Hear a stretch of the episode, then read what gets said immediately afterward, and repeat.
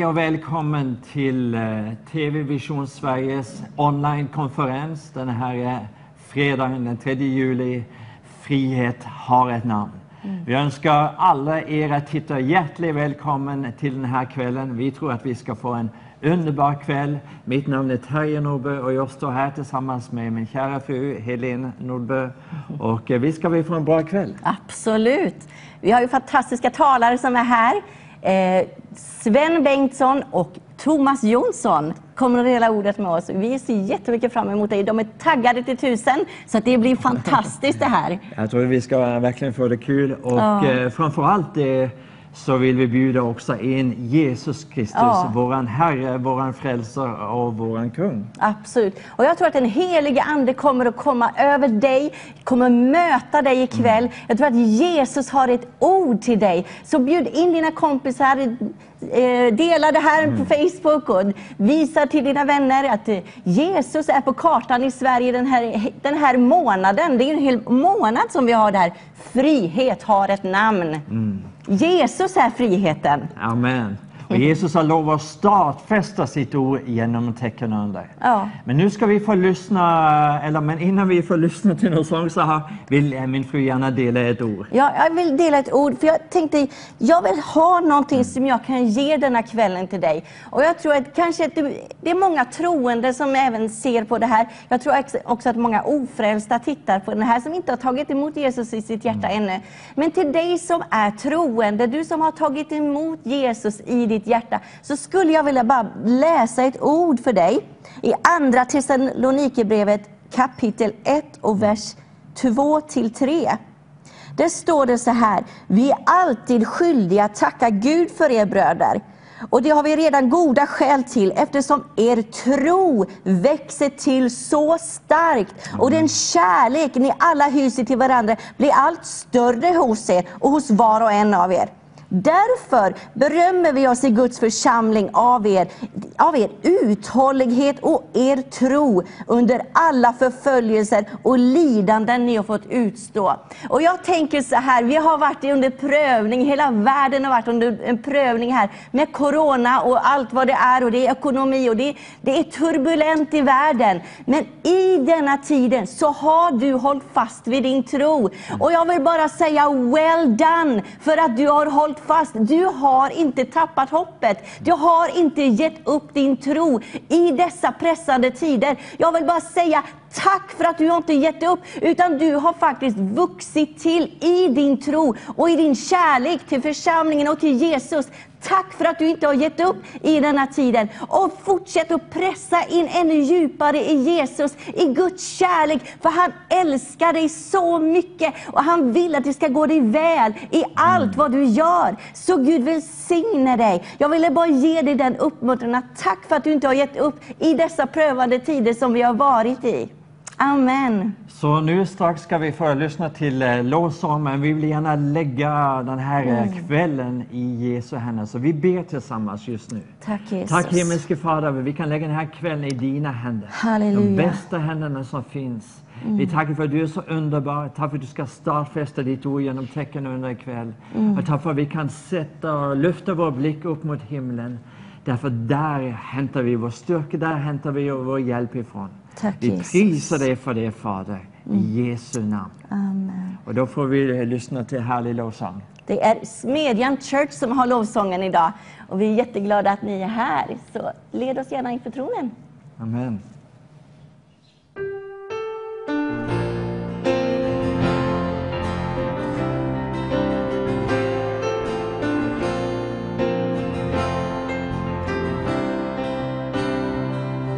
Det finns en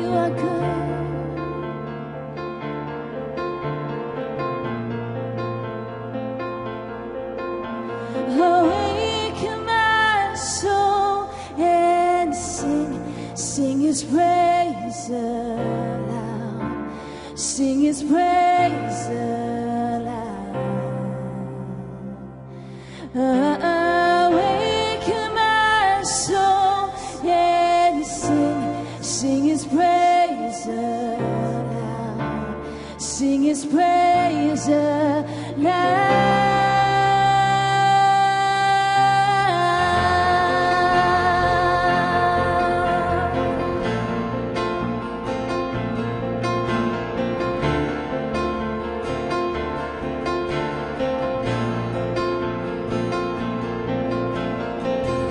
There is a sound that changes things, the sound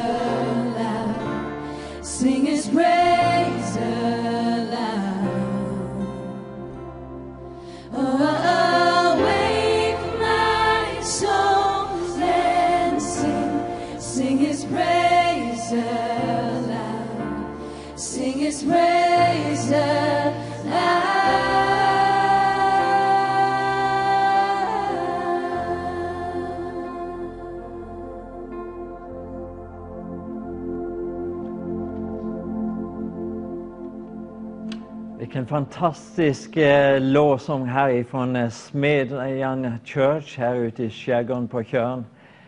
Man blir alldeles berörd eh, och eh, vi ska få lyssna mer till dem om en liten stund.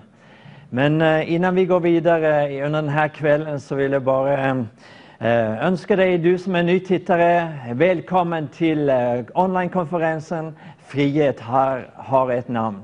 Det är TV Vision Sverige som eh, du tittar på och eh, invitera gärna några vänner, eh, smsa, skicka ett meddelande via Messenger eller något sådant och invitera dem att titta på och skruva på TVn just nu. Det, senare under kvällen så kommer vi ha förbön för olika bönämnen. Och så jag vill bara uppmuntra dig, du som tittar på, har du ett bönämne så vill vi gärna be för dig under kvällen. Och det blir den, eh, sist, under den sista timmen mellan 9 och 10 där vi kommer fokusera speciellt på bön för olika böner som kommer in. Det finns också möjlighet att eh, ringa in och eh, medge ditt bönämne. Så finns det människor som tar, sitter och tar emot ditt bönämne och så tar vi det med under kvällen. Men nu så vill jag gärna tala om någonting som är ganska viktigt. Eh, det är så här att vi alla vill ju ha väckelse, eller hur? Vi har alla önskat att Guds rike ska gå framåt. Och en viktig del i det här arbetet, det är just TV. Att nå ut över landegränser, att nå in i folkets hjärta och i folkets hem, där överallt i Sverige, i Skandinavien, i Norden och så vidare. Eh, så krävs det en del eh, för att driva sån. Inte bara en gång i veckan, men dag efter dag efter dag, vecka ut, månad in och så vidare. Och eh, inte bara behöver vi resurser i form av människor, vi behöver också finansiella medel och det kallas för pengar ganska enkelt. Och därför vill vi uppmuntra dig, du som sitter och tittar på och känner ja, men det här är någonting jag kan ställa mig bakom. Det här är någonting som jag önskar vara med om. Så vill du se nu eh, information på din skärm där, där du kan vara med och ge antingen i form av eh, bankgiro eller eh, Swish eh, eller du kanske önskar att bli en månadsmatare till exempel. Jag vill starkt, starkt uppmuntra dig, du som tittar på, Värdera och så gå med på fast basis. Så att man inte bara ger någon gång då och då, men att man går med varje månad och sår in. Därför att det här är god jord, därför att det här är med och bringa evangeliet ut eh, till människor som annars inte skulle komma till kyrkan. Så med det, dessa ord så vill jag bara uppmuntra dig med det allra varmaste. Och tänk, eh, tänk på att gå med och så in i detta här arbete. Innan vi går vidare och eh, ska få lyssna till mera sång så ska vi eh, nu få se på en eh, promotion-video ifrån TV Vision Sverige. Varsågod. Vision Sverige startade på grund av ett kall. Gud kallade oss att bygga en plattform för att sprida evangeliet i Sverige. Det här är de fyra pelarna som vi bygger kanalen på. Vi vill att människor ska bli frälsta. Vi har tro på en helande Gud.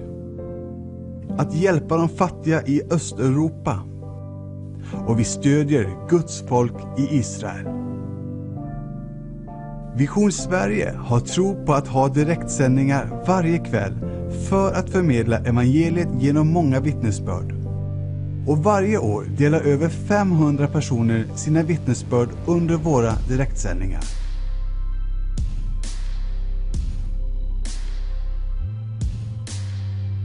Vi tycker det är viktigt att kunna erbjuda undervisning för kristna. Därför är vi fast beslutna på att producera undervisningsprogram med många olika pastorer och evangelister. Och det är också därför vi har producerat över tusen program med flera av Guds män och kvinnor som undervisar i Bibelns budskap. Vi har alltid haft ett hjärta för att nå invandrare i Sverige som inte har svenska som modersmål. Därför har vi måndagar och tisdagar live arabiska från Stockholm med pastor Mersek Boutros. Onsdagar, torsdagar och fredagar sänder vi live på persiska och afghani. Varje lördag sänder vi det första kristna programmet i världen på kroatiska, serbiska och bosniska med Soran Kovacevic som programledare. Och från hösten 2020 börjar vi med en timmes spanska varje lördag. Varje söndag är en supersöndag. Och vi önskar att ge många olika församlingar möjlighet att sända sin gudstjänst och nå ut till fler människor genom Vision Sverige.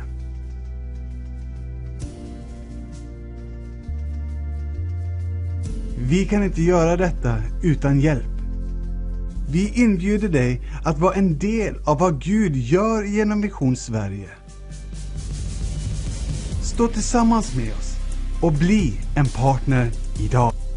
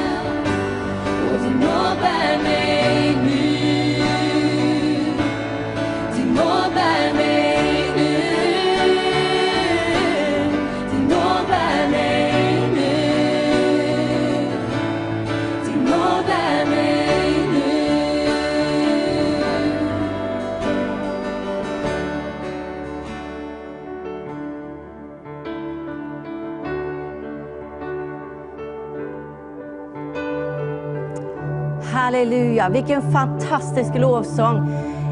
Du kanske är ny med det här med att sjunga lovsång eller du kanske har varit med i kyrkan länge.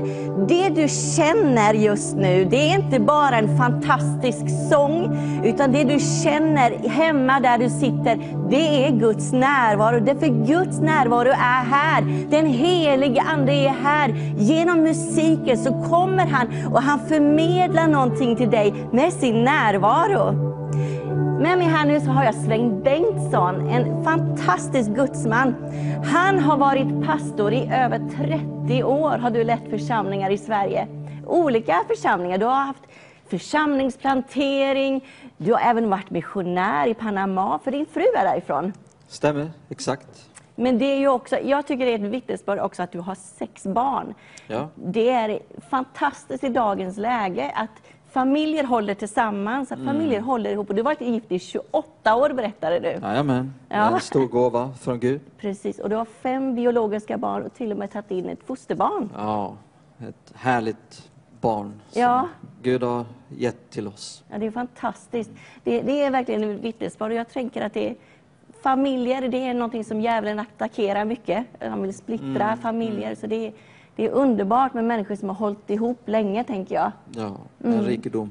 Precis, men du har ju också varit med länge i kyrkligheten, om man säger. Du har sett församlingar och byggt upp. Men du är också en fantastisk bibellärare som har varit grundad i ordet. Du har gått på Rema i USA i två år. Rena Va? rama rema. Ja, precis. Där du har blivit uppbyggd och fått in Guds ord i dig. Eh, är tack- Det är jag tacksam för. ja, och vi är väldigt förväntansfulla för jag vet att Gud har lagt ett budskap på ditt hjärta ikväll. Ja, Eh, Vi pratade, jag och Thomas som kommer att tala här under kvällen strax innan nu. Och vi insåg att vi kommer att tala om exakt samma sak ikväll. Det är helt Vi tror att Gud vill beröra någon, några, kanske många på ett väldigt speciellt sätt. Ja. Jag känner Guds kärlek, jag känner Guds omsorg för någon som kommer vara med här och titta ikväll på ett speciellt område. Ja, det är helt otroligt. Jag tror verkligen som, som Sven säger, Gud har ett ord till dig ikväll. Han vill göra någonting i ditt liv ikväll. Så sitt med ett öppet hjärta. Öppna ditt hjärta och låt Gud börja arbeta på insidan. För jag tror att Gud vill göra något alldeles unikt här ikväll. Och jag tror att vi kommer få höra vittnesbörd ifrån denna kvällen. Mm, tror jag med. Varsågod. Tack så mycket. Tack. Och eh, vad trevligt att få möta er som eh, finns med eh, via i den här sändningen och ser på eh, och deltar. Jättekul att få, få möta er på det här sättet. Och jag ska läsa ifrån Lukas evangelium, det tionde kapitlet. Vers 38 till 34, den text vi ska utgå från och det som jag har på mitt hjärta att få dela med er ikväll. Då står det så här, medan de var på väg kom Jesus in i en by och en kvinna som hette Marta tog emot honom i sitt hem. Hon hade en syster, Maria, som satte sig vid Herrens fötter och lyssnade till hans ord. Marta däremot var upptagen med alla förberedelser. Hon kom fram och sa, Herre, bryr du dig inte om att min syster har lämnat mig att sköta allting själv? Säg nu till henne att hon hjälper mig. Herren svarade henne, Marta, Marta, eh, du bekymrar dig, lägg märke till ordet bekymrar, och oroar dig för så mycket, men bara ett är nödvändigt. Maria har valt ut den goda delen och den ska inte tas ifrån henne. Det var en turist som eh, ville besöka ett kloster långt nere i Europa, i Alperna.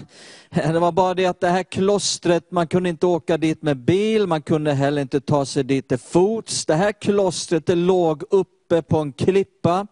Eh, och för att ta sig dit så var man tvungen att bli hissad upp i en korg 300 meter upp för en stuprät klippvägg. Eh, och den här turisten då, han klev i den här korgen tillsammans med en annan munk. Eh, och längst uppe var det två munkar som skötte den här repanordningen för att dra upp den här korgen.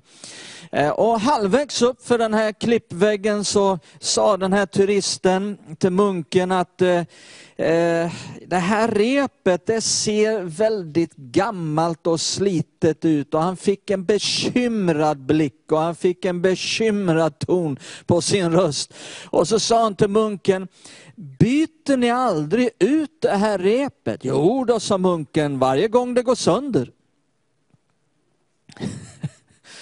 Så bekymmer kan vara jobbigt att ha i sitt liv. Eh, och om du vill ha en rubrik på vad jag ska dela nu en kort stund så är det inga bekymmer. Vill jag få tala om. Marta hade ett problem i sitt liv som eh, höll på att skada hennes liv allvarligt, som höll henne bunden. Ett problem som Jesus identifierade eh, och, ville befria henne ifrån. Vad var det för ett problem? Var det att hon var engagerad och väldigt aktiv? Var, det, var hennes problem att hon ville ställa i ordning allting för Jesus och lärjungarna? Nej, Jesus sa inte att det var det som var problemet.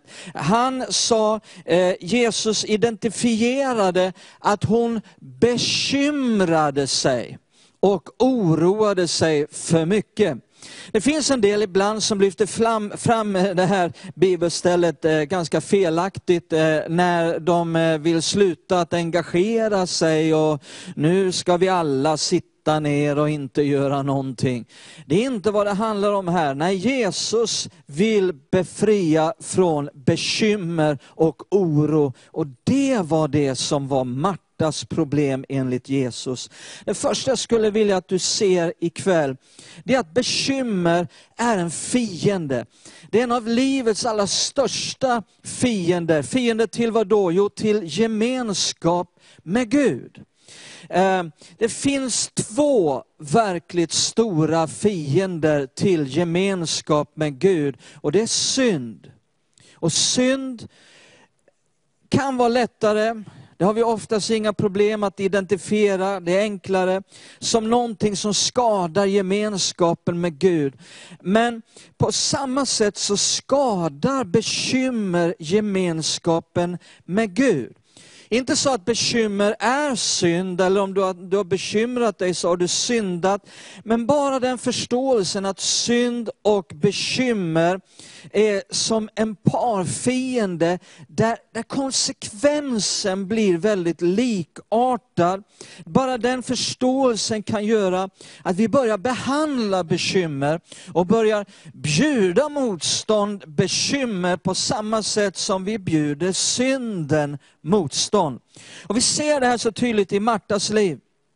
Maria hon bara njöt av gemenskapen med Gud. Eh, men Martas alla bekymmer kom i vägen för henne. Och det är ju så att när, när bekymmer får uppta våra sinnen och hela vår tankevärld, då hindrar det den fridfulla gemenskapen med Gud. Eh, bekymmer blir också då ett hinder att ta emot ifrån Gud. Vi ska läsa också någonting annat Jesus säger här i, i Matteus evangelium, det trettonde kapitlet och den 22 versen. Lyssna noga här. Jesus säger det som såddes bland tistlar är den som hör ordet, men världsliga bekymmer och bedräglig rikedom kväver, vad gör det? Det kväver ordet så att det blir utan frukt.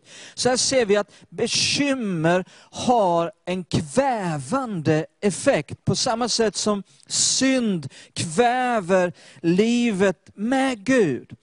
Ehm, och därför ser Jesus bekymmer som någonting som en fiende, någonting fientligt som han vill befria dig ifrån. Med så stor kärlek, som med så mycket medlidande, så vill han få komma in i ditt liv och befria dig ifrån bekymmer. Jesus han talar här om bekymmer och ett felaktigt jagande efter pengar och rikedom. Och faktum är att redan tidigare i det här kapitlet så har Jesus talat om exakt denna saken. Titta här i kapitel 6 redan i Matteus evangelium, så läser vi från den 24 versen. Matteus 6 och 24. Lyssna noga vad Jesus säger. Ingen kan tjäna två herrar. Antingen kommer han att hata den ene och älska den andra, eller hålla fast vid den ene och förakta den andra.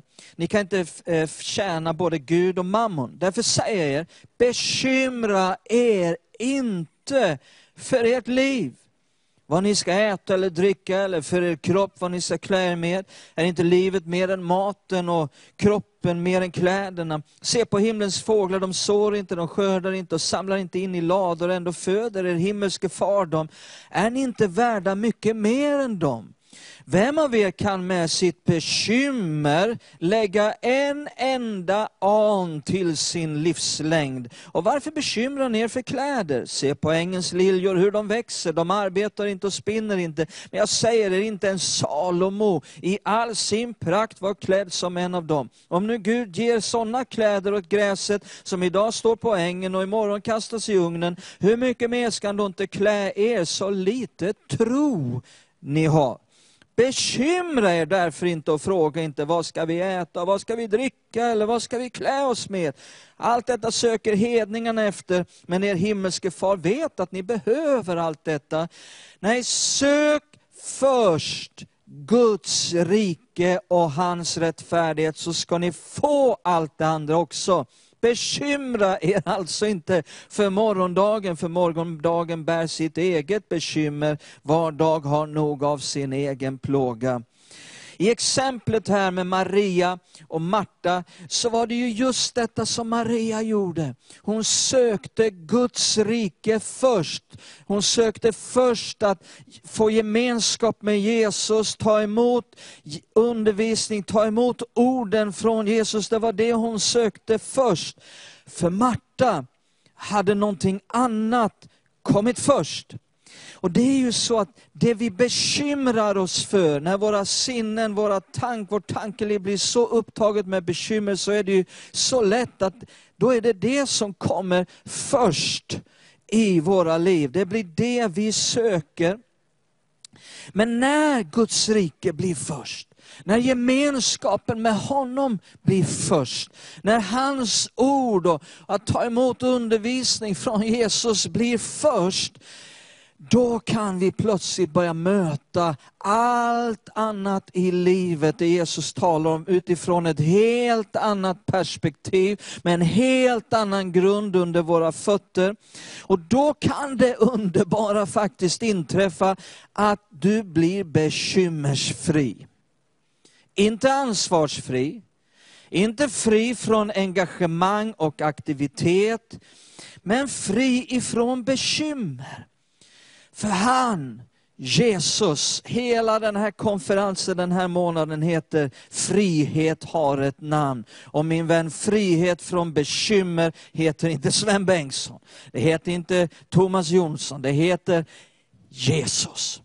Frihet har ett namn. Frihet från bekymmer är förknippat med ett namn som är över alla andra namn. Och det namnet, min vän, är Jesus. Och det bekymmersfria livet finns när vi söker honom först på det sätt som Maria gjorde. Han, Jesus, som frälser från all synd, vill befria från alla bekymmer. Han som tog vår synd, han vill också ta på sig svåra bekymmer. Där det finns frigörelse från synd, där finns det förlåtelse. Där det finns befrielse från bekymmer, där min vän finns det frid. Vad handlar detta om? Jo, det handlar om att ge hela sitt liv till Jesus. Och säga Jesus, du tog min synd. Nu ger jag också hela mitt liv till dig. Jag överlåter allt i mitt liv till dig. Jag lägger mig helt och hållet i dina händer.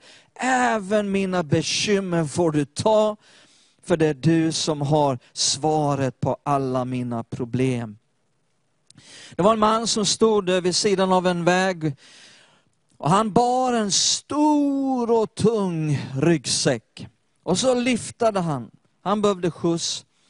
Och rätt vad det var så stannade det en, en liten lastbil med, ett- med ett litet flak eh, och plockade upp honom men sa att det, det är fullt här inne i hytten så du, du får sitta på flaket. Och han var så glad. Han satte sig där på flaket. Och sen när de hade åkt en bit så tittade den här, den här chauffören där som körde det hela i backspegeln och, och ser då att, att han sitter där på flaket fortfarande med den här stora tunga ryggsäcken på ryggen. Så han stannar och, och går ur och säger, men eh, hallå, varför tar du inte av dig den där ryggsäcken? Nej, sa mannen, jag tyckte det var nog att du plockade upp mig och jag fick sätta mig här. Så jag tänkte det får räcka, jag vill inte störa dig med min ryggsäck. Den tar jag.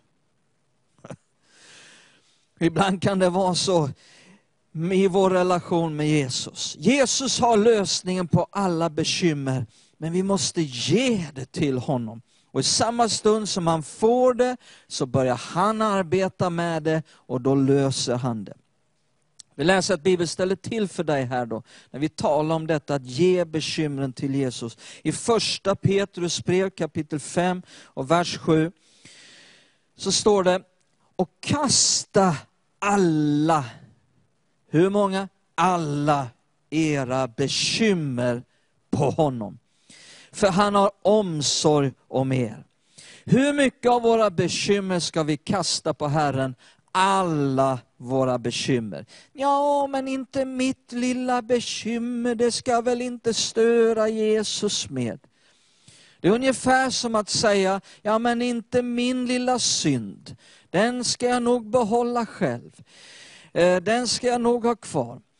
Bekymmer återigen är inte synd, men konsekvenserna är ganska likartade i att det kväver gemenskapen med Gud och därför behöver vi behandla det på samma sätt, ett likartat sätt. Eh, och i och med att det står här, kasta alla era bekymmer på honom. Det måste innebära att Jesus vill faktiskt ge dig ett bekymmersfritt liv. Där alla dina bekymmer har du kunnat kasta på honom. Det betyder att han vill befria dig, han vill hjälpa dig eh, eh, till ett bekymmersfritt liv. Det betyder att vad som än bekymrar dig, vad som än oroar dig, så intresserar sig Jesus Eh, sig för det. Han har omsorg om dig och varje bekymmer i ditt liv, läser vi här. Han vill ge dig total frid på livets alla områden. Att Herren vill ge dig total frihet från alla bekymmer, det betyder inte frihet från alla problem. Det betyder inte att nöden inte kommer. Det betyder inte att det inte dyker upp några utmaningar i ditt liv. Men det betyder att när vi möter allt det så kan vi göra det utan att vi behöver bekymra oss. Och jag gillar det här uttrycket, eh, att det står kasta era bekymmer på, på honom.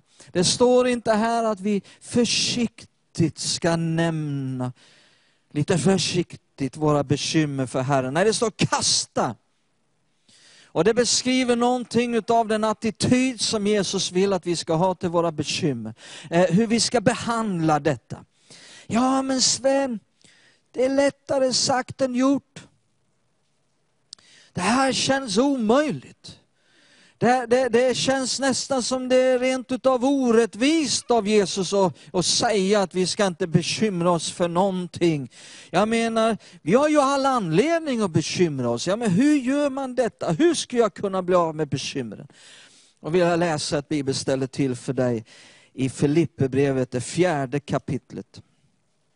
Filipperbrevet 4 och den sjätte och sjunde versen.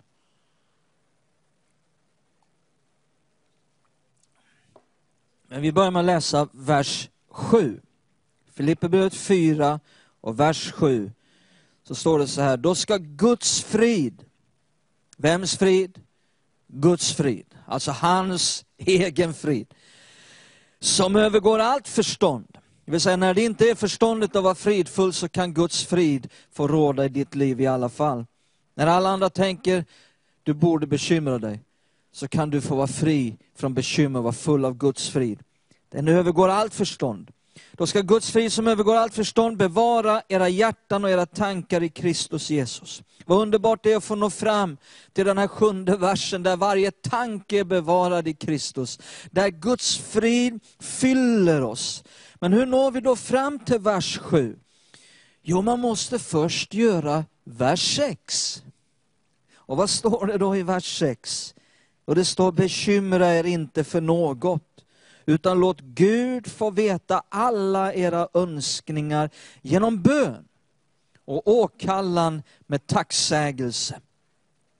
Så hur ska jag kunna undvika att inte göra mig några bekymmer? Hur ska jag istället kunna kasta bekymren på Herren? Jo, det står här, det sker i bön, med tacksägelse. Där jag går in i bön, jag söker Gud av hela mitt hjärta.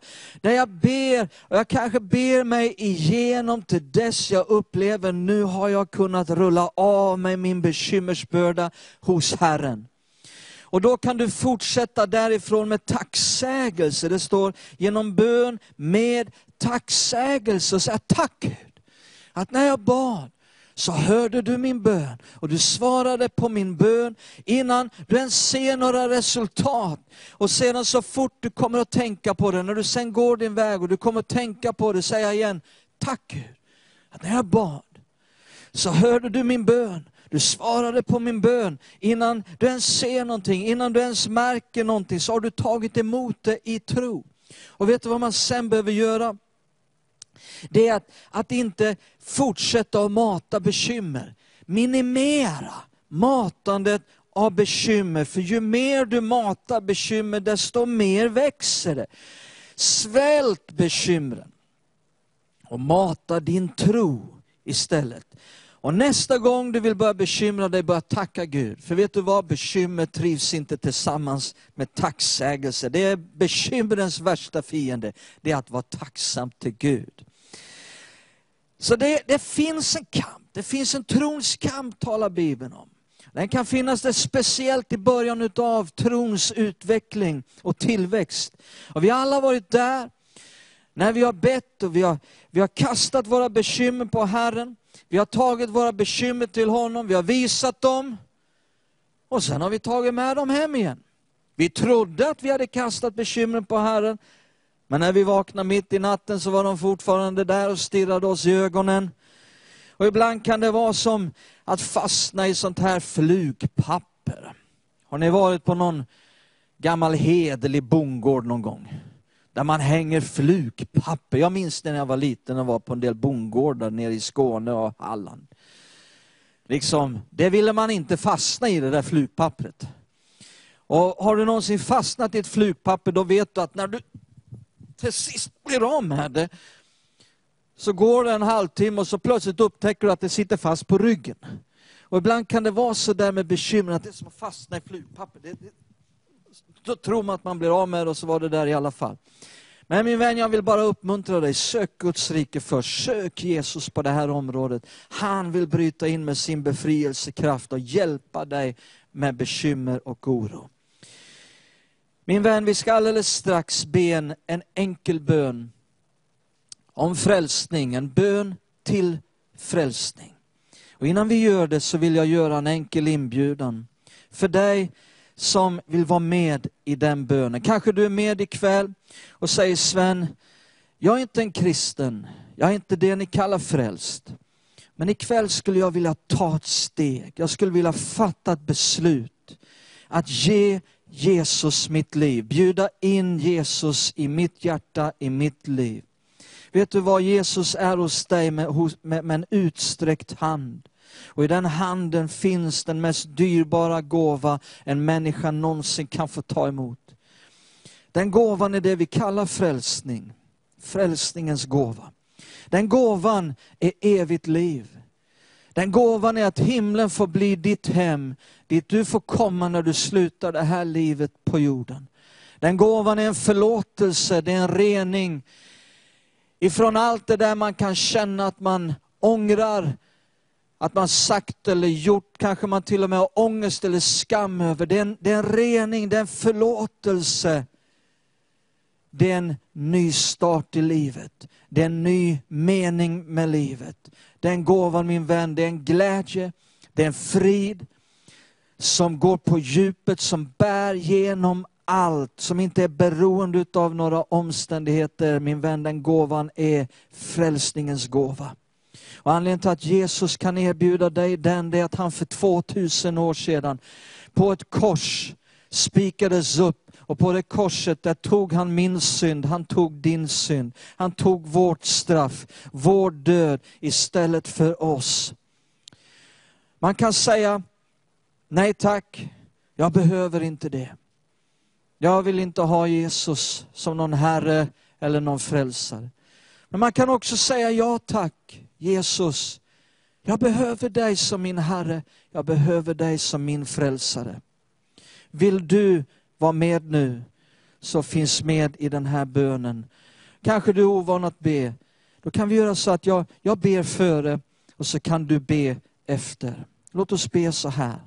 Jesus, jag kommer till dig. Tack Jesus att du tar emot mig. Du har sagt att den som kommer till dig ska du aldrig någonsin kasta ut. Tack Jesus. Det var för mig du dog. Det var min synd du tog. Förlåt mig att jag har vandrat mina egna vägar. Nu vill jag vända om och jag vill följa dig. Jag vill gå med dig resten av mitt liv och in i all evighet. Fader Gud, fräls mig nu. Låt mig få vara ditt barn. Låt mig få tillhöra ditt rike. Jesus, från den här dagen är du min Herre. Och jag bjuder in dig i mitt liv. Amen. Om du bad den bönen ifrån ditt hjärta, då kan du veta att du tillhör Jesus. Gud välsigne dig. Ha en fortsatt trevlig kväll. Häng gärna med i fortsättningen här. Vi ska få, få lyssna till lite mer sång.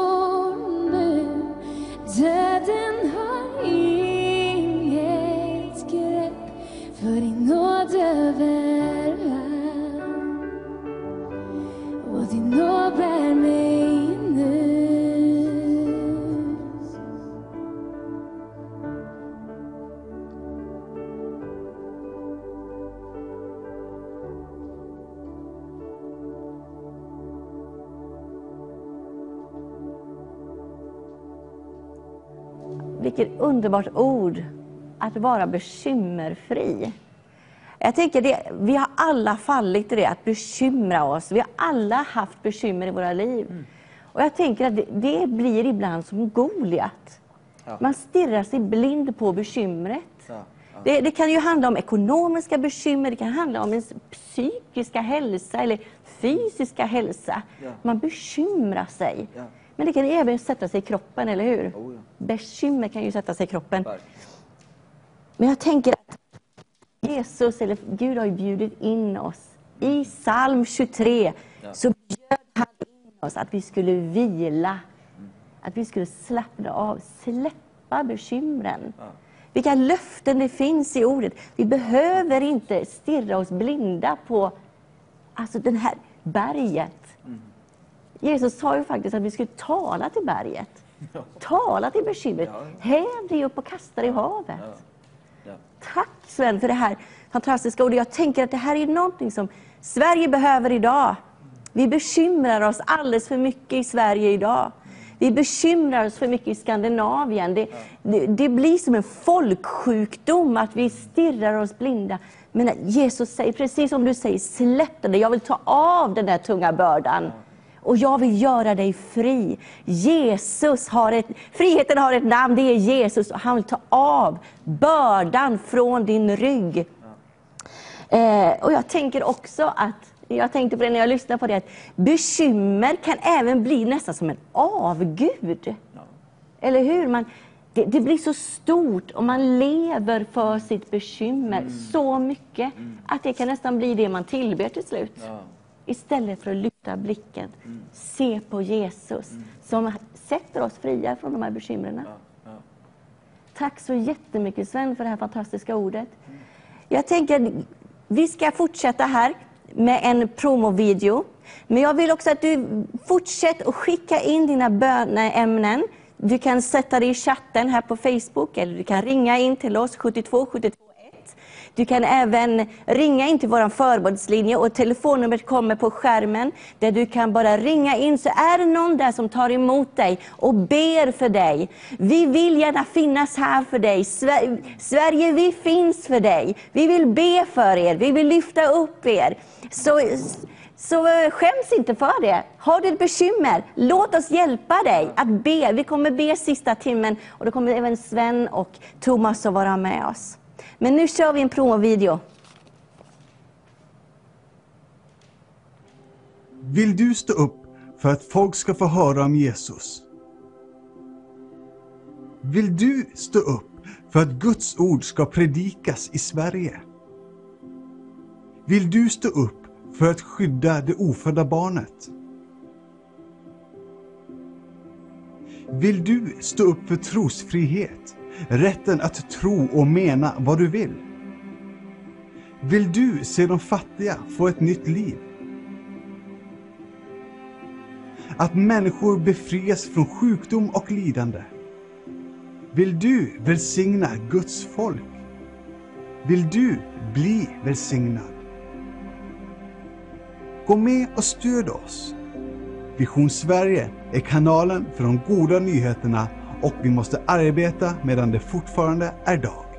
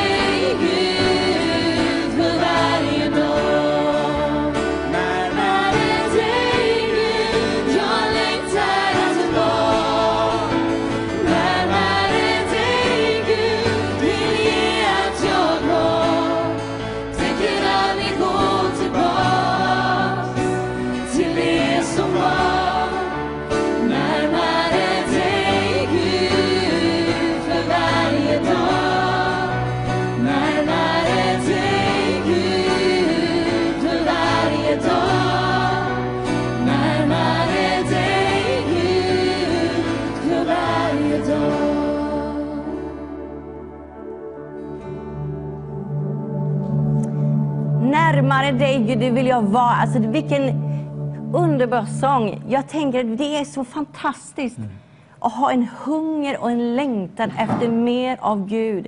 Att komma närmare Jesus i varje andetag som man tar.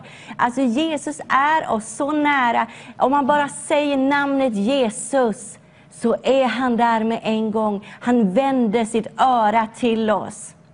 Du tittar på TV Vision Sverige. Vi har en fantastisk konferens. Du som har börjat och bara sappat in här nu. Jag vill bara säga välkommen till dig.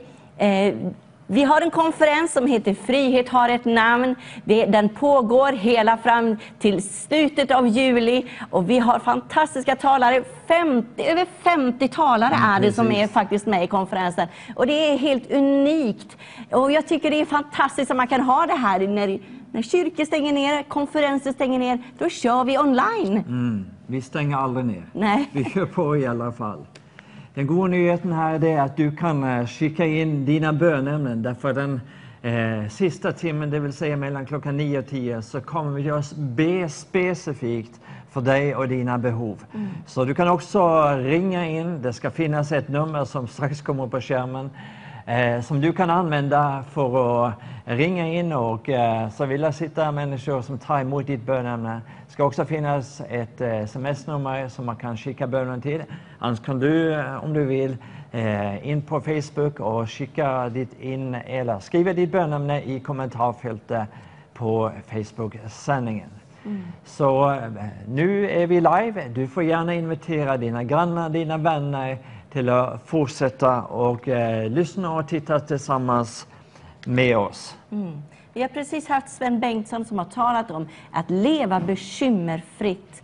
Att vi kan kasta våra bekymmer på Herren. Och vi kommer ha en till talare här nu Precis. snart som är med oss, Thomas Jonsson. Precis. Men det kommer eh, om en liten stund. Om en liten stund. Men vi ska- innan dess ska vi få lyssna till eh, mera sång. Smedjan Church är det som leder lovsång. Varsågoda. Vid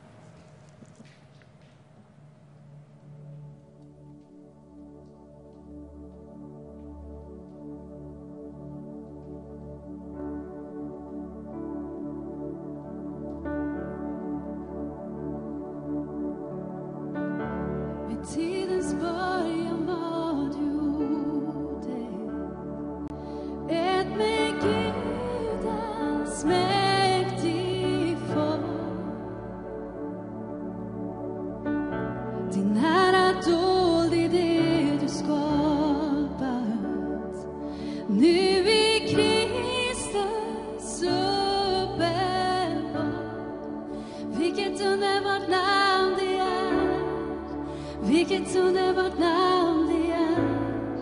Min Jesus Kristus konung. Är Vilket underbart namn det är Inget större är. Vilket underbart namn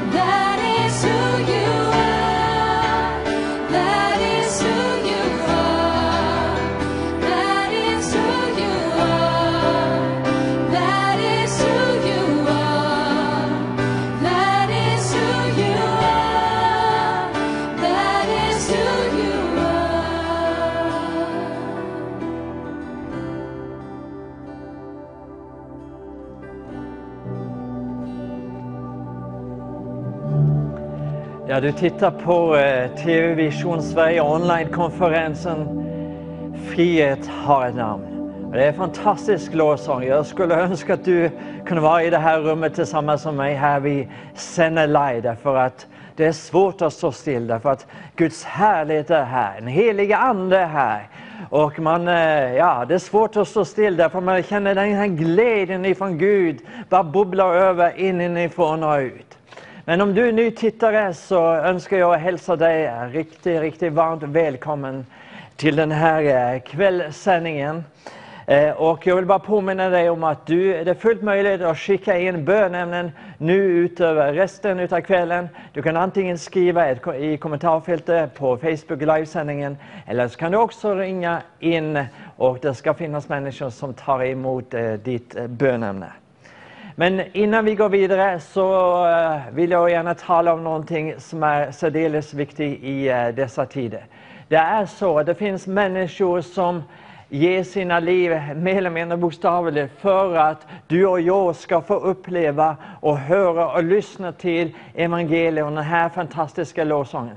Därför att mellan dig eh, och TV, eller mellan tv-rutan och eh, det här studiet så krävs det en massa teknik, det krävs resurser i form av människor och framförallt också genom finansiella medel som vi kallar för pengar. Och därför vill jag uppmuntra dig till att vara med och stödja TV Vision Sverige sitt eh, arbete.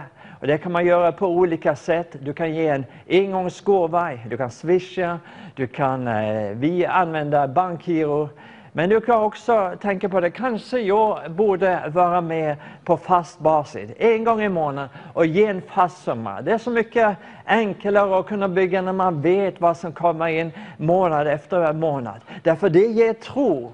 Därför det ger, man, gör att man vågar satsa ännu mer så att ännu fler ska få höra och lyssna till det fantastiska evangeliet om Jesus Kristus. Så fråga Gud just nu om inte det här är för dig, om inte du ska vara med och ta en del tillsammans med oss för att evangeliet ska nå ut.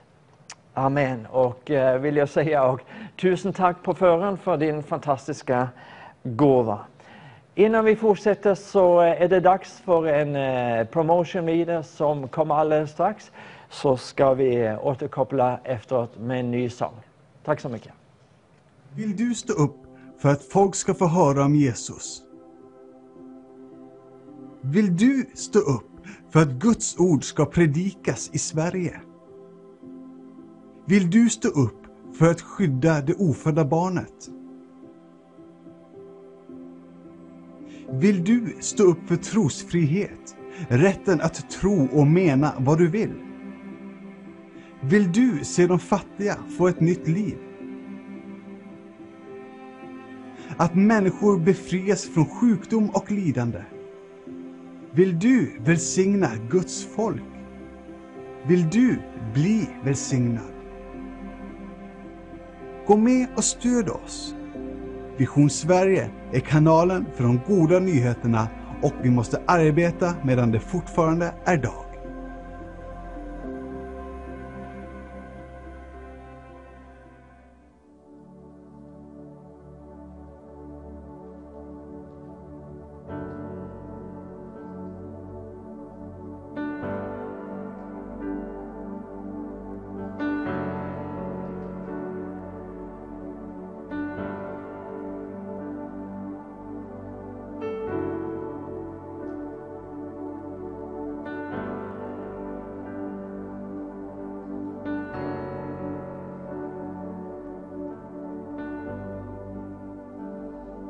Jag behöver dig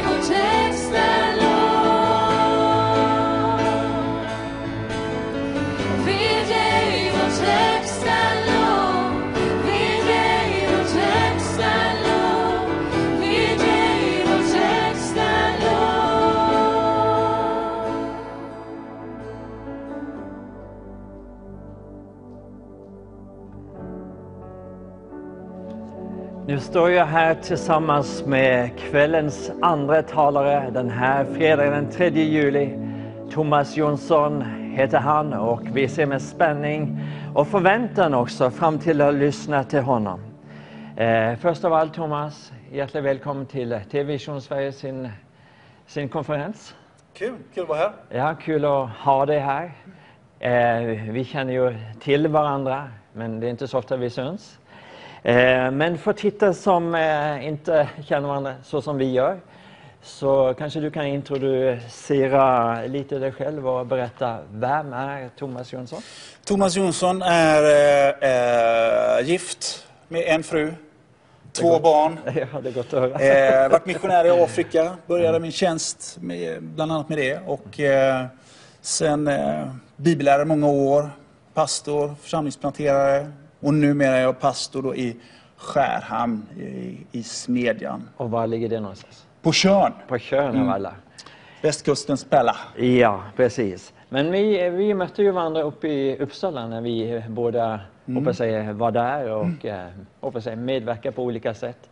Men du var bibellärare bland annat. I nästan vilket tio. ämne då?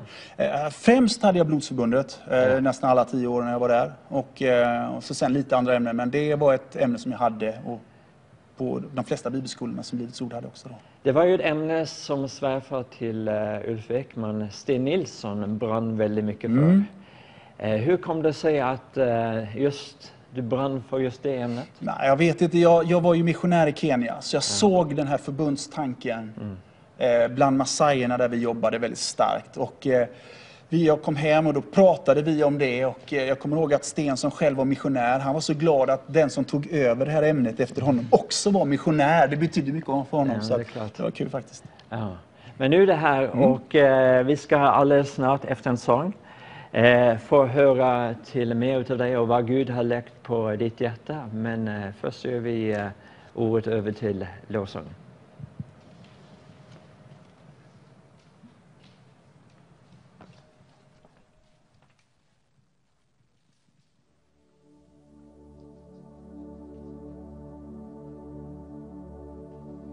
Jag behöver dig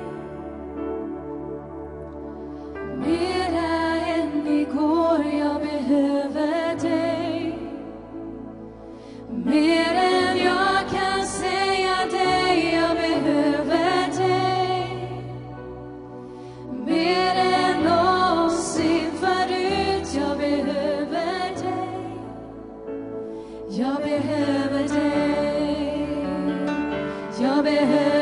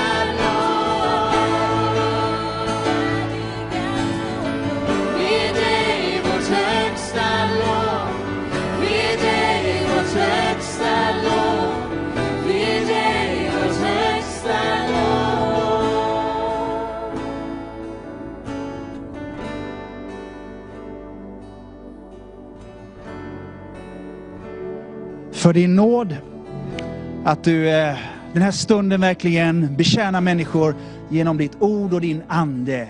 I Jesu mäktiga namn. Amen, amen, amen.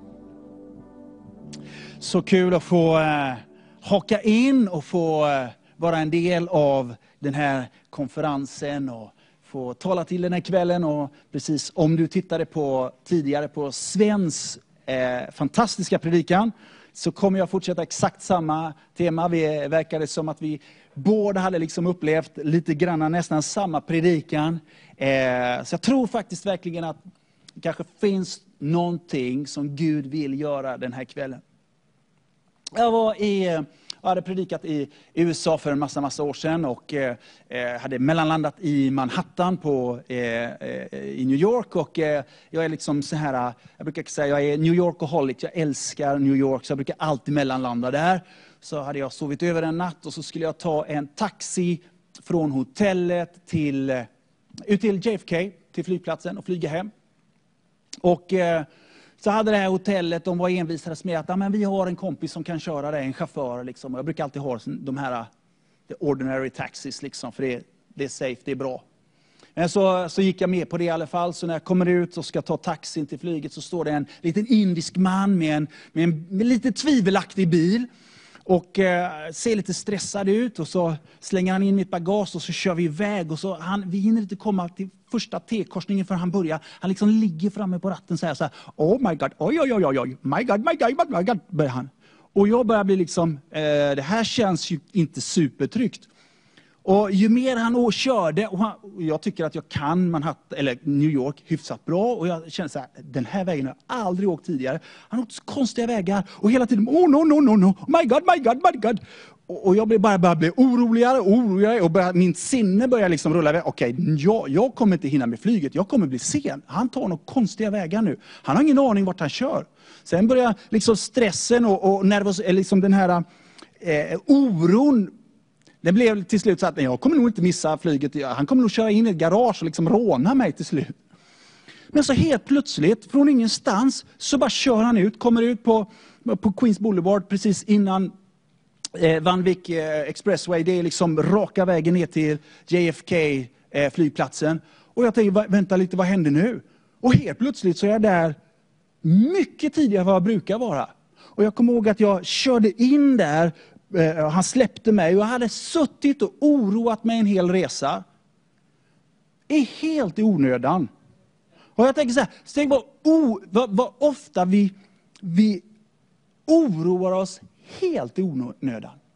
Jag tänkte att jag ska fortsätta prika lite grann om det här att inte bekymra sig. Och jag ska också läsa från Matteus kapitel 6, fast jag börjar från vers 25 och läser eh, ett stycke neråt där.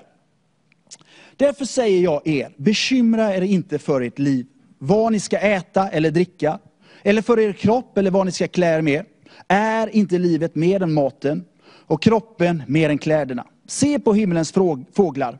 De sår inte, de skördar inte, de samlar inte i lador och ändå föder er himmelske fader dem. Är ni inte mer värda, mycket mer värda än dem? Vem av er kan med sitt bekymmer lägga en enda aln till sin livslängd? Och varför bekymra, bekymrar ni er för kläder? Se på ängens liljor hur de växer, de arbetar inte, spinner inte. Men jag säger er, inte ens Salomo i sin prakt var klädd som en av dessa. Om nu Gud ger sådana kläder åt gräset, som idag står på ängen och imorgon kastas i ugnen, hur mycket mer ska han då inte klä er? Så lite tro ni har. Bekymra er därför inte. Och fråga inte vad ska vi äta, vad ska vi dricka eller vad ska vi klä oss med? Allt detta söker hedningarna efter, men er himmelske far vet att ni behöver detta. Men sök först Guds rike och hans rättfärdighet, så skall ni få allt det andra också. Bekymra er alltså inte för morgondagen, för morgondagen bär på sitt eget bekymmer. Eh, Matteus 6 och 25 säger så här, bekymra dig inte. Och jag vill verkligen ta det budskapet den här kvällen och fortsätta nöta lite grann på det. Eh, Bekymra dig inte, jag gillar den engelska översättningen. Det står så här, take no thought. Alltså ge ingen tanke till ditt bekymmer. Alltså någonstans så är bekymmer, det är liksom när ditt sinne börjar att snurra och, och liksom dra iväg och älta saker som du kanske inte har kontroll över eller som man liksom inte kan eh eh, eh, eh, påverka. Och när jag satt i min taxi med min indier så lät jag liksom tankarna bara dra iväg. Så frågan är, lite grann som jag skulle vilja fråga dig ikväll, vad är din uppmärksamhet? Var sitter din uppmärksamhet? Här när Jesus tar den här berättelsen så, så säger han så här, äh, bekymra er inte vad ni ska äta eller dricka för er kropp eller vad ni ska klä er med. Jag skulle vilja ta de tre sakerna som tre områden som kanske slukar vår uppmärksamhet och som skapar oro och bekymmer. Det första är äta och dricka. Jag tänker att det talar om försörjning. Eh, när vi bär liksom på oro för vårt jobb eller för vår ekonomi. Vi kanske oroas för hur eh, räkningarna ska gå ihop. Och du kanske är liksom en eh, flerbarnsmamma, ensamstående och det är svårt att få allting ihop. Oron bara kommer. Hur skall ekonomin gå ihop? Det andra är kroppen. Jag tror det talar om din hälsa. Vet du, hälsoångest är ett jätteproblem idag. Kanske speciellt i dessa coronatider. Men det kan vara att man får eh, till exempel bara reda på att någon vän har fått cancer eller vad som helst.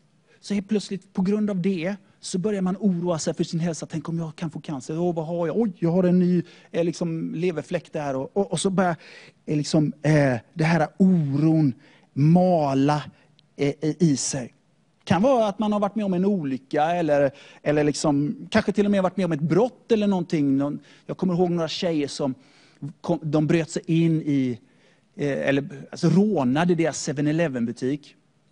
Och efter det så var det en av tjejerna, hon varenda dag hon gick till jobbet, så bara malde oro i henne, som blev som en jättetyngd för henne och det var jättejobbigt. Jag vet en annan person som har råkat ut för en bilolycka. Och eh, bilolyckan var så traumatisk att efter den bilolyckan, så fort hon liksom satt i en bil och de började gasa lite grann, så, så bara satt hon och liksom lät oron bara komma och ta över henne. Så äta och dricka, kropp. Och sen det sista är kläder. Och jag tänker att kläder symboliserar väldigt mycket det här sociala livet. Det här att vi ska bli accepterade, att passa in. Tänk vi, speciellt bland unga människor idag, vilken enorm press unga människor lever i. Att liksom oron att, har jag rätt kläder? Har jag det senaste? Passar jag in? Är jag accepterad? Kan jag få bekräftelse? Faktum är att många av dem, bara den här sista biten, är en sån här grej som många områden bara leder till psykisk ohälsa och, och är ett jätteproblem. Bekymra dig inte, säger Jesus. Jag vill säga så här, oro är aldrig från Gud. Det är inte någon del av andens frukter, utan det är, oro är aldrig från Gud. Och framförallt därför att oro kommer aldrig ensam. Det följer alltid med någonting, det följer alltid konsekvenser av oro som bryter ner människor. Jag tänker lite grann på saker som kan komma. Det kan vara rastlöshet, det kan vara irritation, man kan få ont i magen. Eh, eh, muskelvärk, spänningshuvudvärk. Jag vet en person, känner till ett exempel på en person som trodde sig ha reumatism i massor av år. Och själva verket så var det en psykologisk press som personen levde under. Och när oron släppte, oron hade liksom satt sig i lederna, och när oron släppte så blev hon, personen helt frisk. Tänk vad fel tankar, tänk vad, när saker börjar surra i ens sinne, tänk vilka konsekvenser det kan få. Inte bara liksom i vårt sinne, utan i vår kropp och, och så vidare. Så, så verkligen, oro är inte från Gud. Utan Gud vill hjälpa dig ut ur det. Gud vill att du ska bli fri. Och jag tänker så här att, jag tänker ge dig två saker. Därför jag tror att en helig ande kan sätta människor fri. Jag tror att en helig ande har kraft. Men du vet, om du håller fast vid saker, så kommer inte den heliga ande kunna sätta dig fri. Så jag skulle vilja ge dig två uppmaningar här ikväll, för att du ska kunna komma ut i frihet, så att du ska kunna få den där friden som övergår allt förstånd. Det första är, lyft din blick. Och det andra är, släpp taget. Jag ska börja med lyft din blick. Jag tror att du måste lyfta din blick över problemen. Du vet, så länge din uppmärksamhet är på problemen, så kommer du aldrig att kunna bli fri. När man har fokus på problemen, det är, som, det är som att vi kan inte ha fokus på två saker samtidigt. Har du fokus på problemen så kommer du inte kunna ha fokus på Gud. Och, eh, jag gillar den här eh, bilden, det står i Matteus kapitel 6, där står vers 26, och står så här, se himmelens fåglar. Jag tänker så här, vi behöver vara som fåglarna ibland. Fåglarna, de har liksom ett fågelperspektiv. De liksom lever på en högre altitud. Alltså ibland så tror jag vi behöver komma på en högre nivå. Alltså ibland så lever vi här, vi ser allting framför näsan och det här är det enda problemet som existerar. Men du vet ibland, så om vi bara kommer upp på en högre nivå så börjar man se helheten och då ser man att det där problemet var ju inte alls något stort problem. Ibland så tror jag vi behöver gå från nu-perspektiv till evighetsperspektiv. Tänk vad obetydliga vissa problem blir när vi börjar tänka saker utifrån ett evighetsperspektiv. I Lukas 10.38 så har vi den här berättelsen om Maria och Marta som Maria som blir lite sur på Marta för att hon inte hjälper till. Och, eller Marta blir sur på Maria för att hon inte hjälper till, menar jag. Och så står det så här, i den här versen.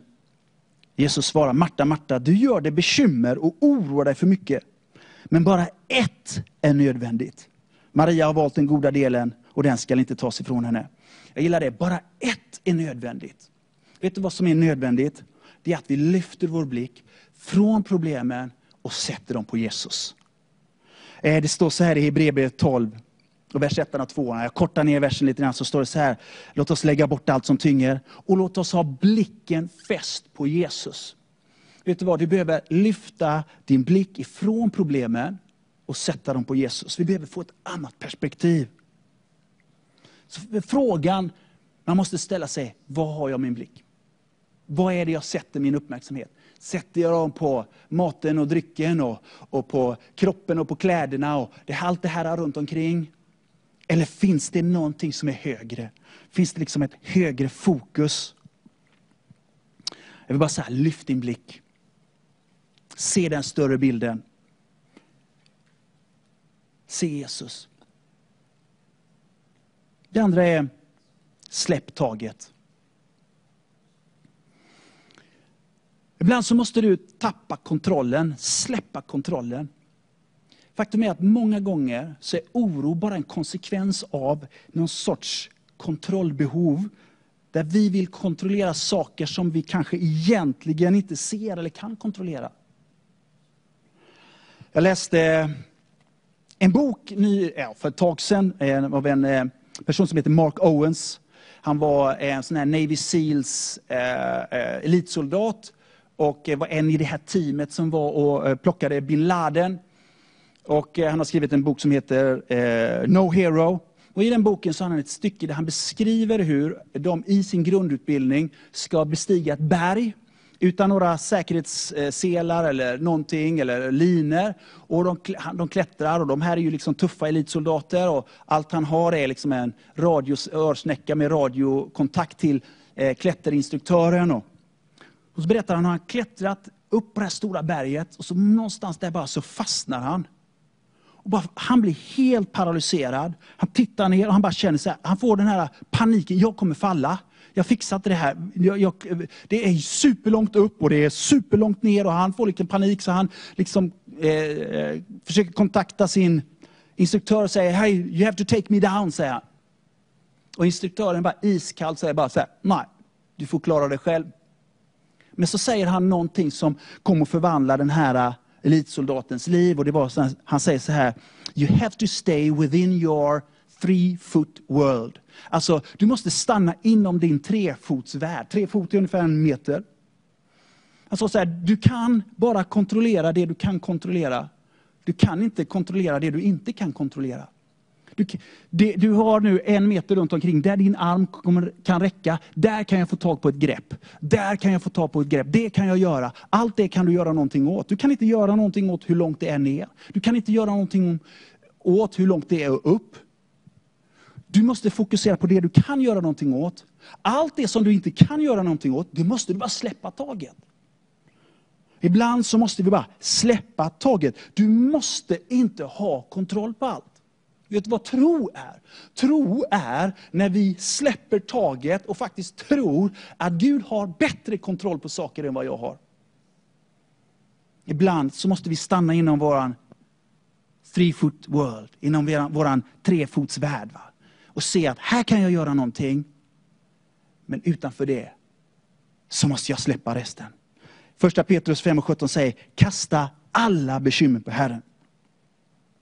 Ibland måste man helt enkelt bara gilla läget. Man måste bara släppa oron och, och, och, och, och acceptera omständigheterna. Jag tänker när jag satt i den här taxin, tänk om jag hade bara slappnat av och liksom njutit av den här goa indien som satt där och liksom vickade på huvudet så här lite gött indiskt. Och, och, eh, bland alla pärlor och grejer och, och såna här kul, eh, stor, vad heter det, såna här kulor i, i, i, i bilsitsen. Hade jag njutit av resan, hade jag ju mått mycket bättre. Faktum är att när jag kom fram den resan så tänkte jag så här att från och med nu så ska jag eh, så ska jag bara släppa taget. Jag ska bara gilla läget. Om jag inte kan kontrollera det så ska jag bara gilla läget och bara släppa taget. Vet du vad? Bär inte på sånt som du inte behöver bära. Jag fick en makaber bild, jag ber om ursäkt redan innan. Jag fick en lite makaber bild en gång för en massa, massa år sedan när jag hade ett själavårdssamtal. Jag såg den här liksom bilden av hur det var en kvinna som kommer in på pastors liksom expeditionen. Och hon bär på ett stort lik över axlarna. Ett gammalt lik, så här illaluktande lik. Och så sätter hon sig på stolen och så säger hon, eh, eh, och pastorn liksom säger, ja, vad kan jag hjälpa till med? Och så säger hon, så här, ja, det är min moster. Och det är så tungt och det är så jobbigt. Och hon luktar illa och ingen vill vara med mig. Vet du vad? Ibland så bär vi saker vi inte behöver bära. Och jag tänker så här, ibland så är oro och bekymmer, det är som det där liket. Vet du vad? Begrav liket. Släng av det liket. Det finns ingen anledning att bära på, runt på saker som bara tynger dig, som suger musten ur dig, som dränerar dig. Som bara stinker. Vet du vad? Det finns inget fräscht med människor som bara går och oroar sig hela tiden. Utan fräschhet, det är när vi vågar släppa taget. Vet du hur skönt det är, vilken frid som kommer när du har gått och burit en tung börda och du bara får släppa det. Oh, fy vad skönt att jag inte behöver bära det här längre. Det är härligt. Kanske är det dags för dig den här kvällen. Jag tänker speciellt efter två predikningar om det här. Så kanske det är dags för dig ikväll att bara släppa liket. Filippi brev 4.6 säger så här. Gör er inga bekymmer. Utan när ni åkallar och ber, tacka då Gud och låt honom veta alla era önskningar. Alltså, kasta av dig liket. Ge det till Gud. Hur gör du det? Jo, Genom åkallan, bön och tacksägelse. Gör alla dina önskningar kunniga. Vet du vad? Alla dina önskningar. Ge allt till honom.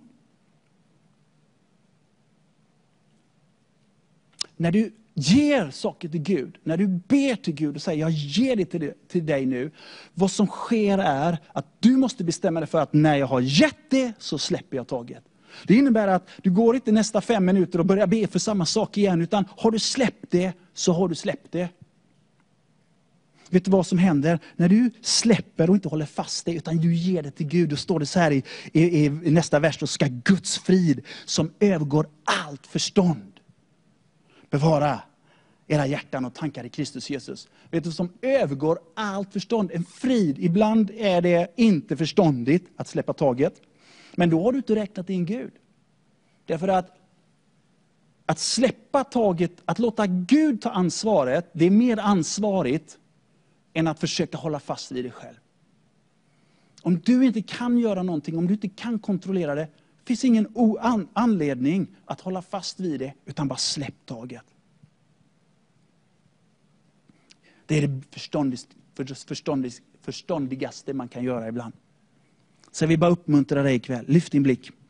Istället för att ha uppmärksamheten på allting som kan suga din, upp, liksom, din, din frid och som tar din frid ifrån dig, som, som eh, skapar oro och, och, och grejer i ditt liv. Så fäst din blick på Jesus. Bara lyft din blick över problemen. Fäst din uppmärksamhet på Jesus, han som är din frälsare, han som är din nåd, han som är din befriare. Han som är din hjälp i rätt tid. Släpp taget. Släpp kont kontrollen. Ge allt till Gud. Jag vill bara börja landa här och skulle vilja be för dig som bär bördor den här kvällen. Som kanske har oro som gnager. Och kanske du tycker att det är svårt att sluta bekymra sig över saker. Och, och, och jag vill be att den helige Ande verkligen hjälper dig att på riktigt bryta igenom. Att eh, du ska kunna bryta dig loss. Så att det, du kan lyfta din blick och släppa taget. Så att den helige Ande bara kan komma in. Så att Guds frid som övergår allt förstånd kan bara fylla dig. Men innan jag ber för dig så skulle jag bara vilja först rikta mig emot dig som kanske tittar som, kanske du inte är kristen eller du kanske vandrat bort ifrån Gud. Och jag vill bara, någonstans är det så här, den första friden vi får, det är när vi släpper taget om oss själva. Det är när vi överlåter våra liv till Gud. Så det första du måste släppa taget om, det är ditt eget liv.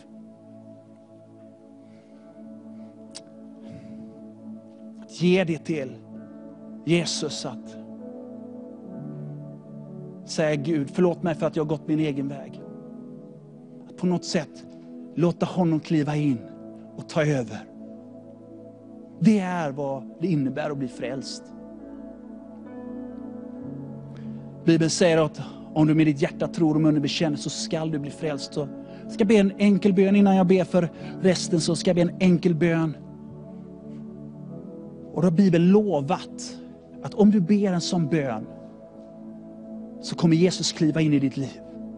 Och han kommer komma med sin fri, han kommer komma med sin frihet. Om du bara ber med mig just nu. Kära Jesus, jag kommer till dig nu. Förlåt mig för att jag har syndat och gått min egen väg. Rena mig och ta emot mig. Bli min frälsare och Herre. Jag ber att din frid som övergår allt förstånd nu ska fylla mig. Tack Jesus att du tar emot mig och att jag nu är frälst i Jesu namn. Amen. Fader, jag ber för varje person som tittar och kanske brottas med bekymmer och oro eller ångest. Tack att du är mäktig att komma med fullständig frihet. Jag tackar dig heligande för din smörjelse som just nu bryter bojor, som kommer med frid. Ett fritt och ett sunt sinne.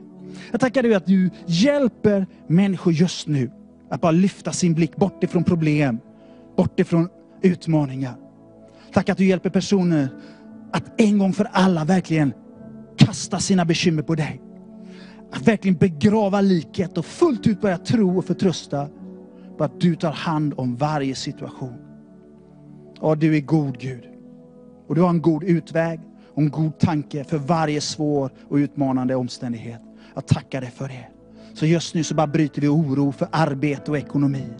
Jag bryter ångest för att gå till jobbet. Eller till skolan. Eller hur ekonomin ska fungera. Jag bryter oro för hälsa eller sjukdom. Jag bara bryter oro för att platsa in eller bli accepterad.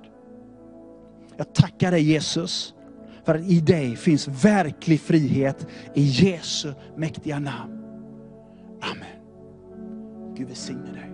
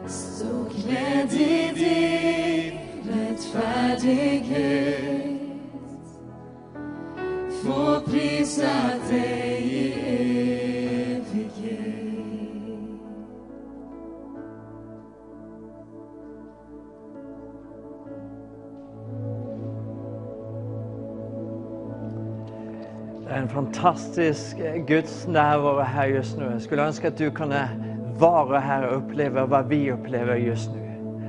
Och eh, det är underligt på ett och samma vis att båda predikanterna, både Sven och Thomas har fått ett och samma budskap. Var inte bekymrad. Bekymra dig inte. Och då förstår man det att när Gud har talat till två helt olika predikanter om ett och samma budskap på en och samma kväll. Då är det någon där ute, någon som tittar på, som behöver höra att du behöver inte bekymra dig. Att Gud har kontroll, att Gud är för dig, att Gud går med dig, att Gud leder dig, att Guds favör lyser över dig och din familj. Tusen tack för en fantastisk predikan Thomas. Tack. Eh, återigen, jag upplever påtagligt Guds närvaro på den här platsen och det är så intressant att se att, eh, att Gud har talat om det samma budskap och lagt det samma budskap både på Svens sitt hjärta och på ditt hjärta.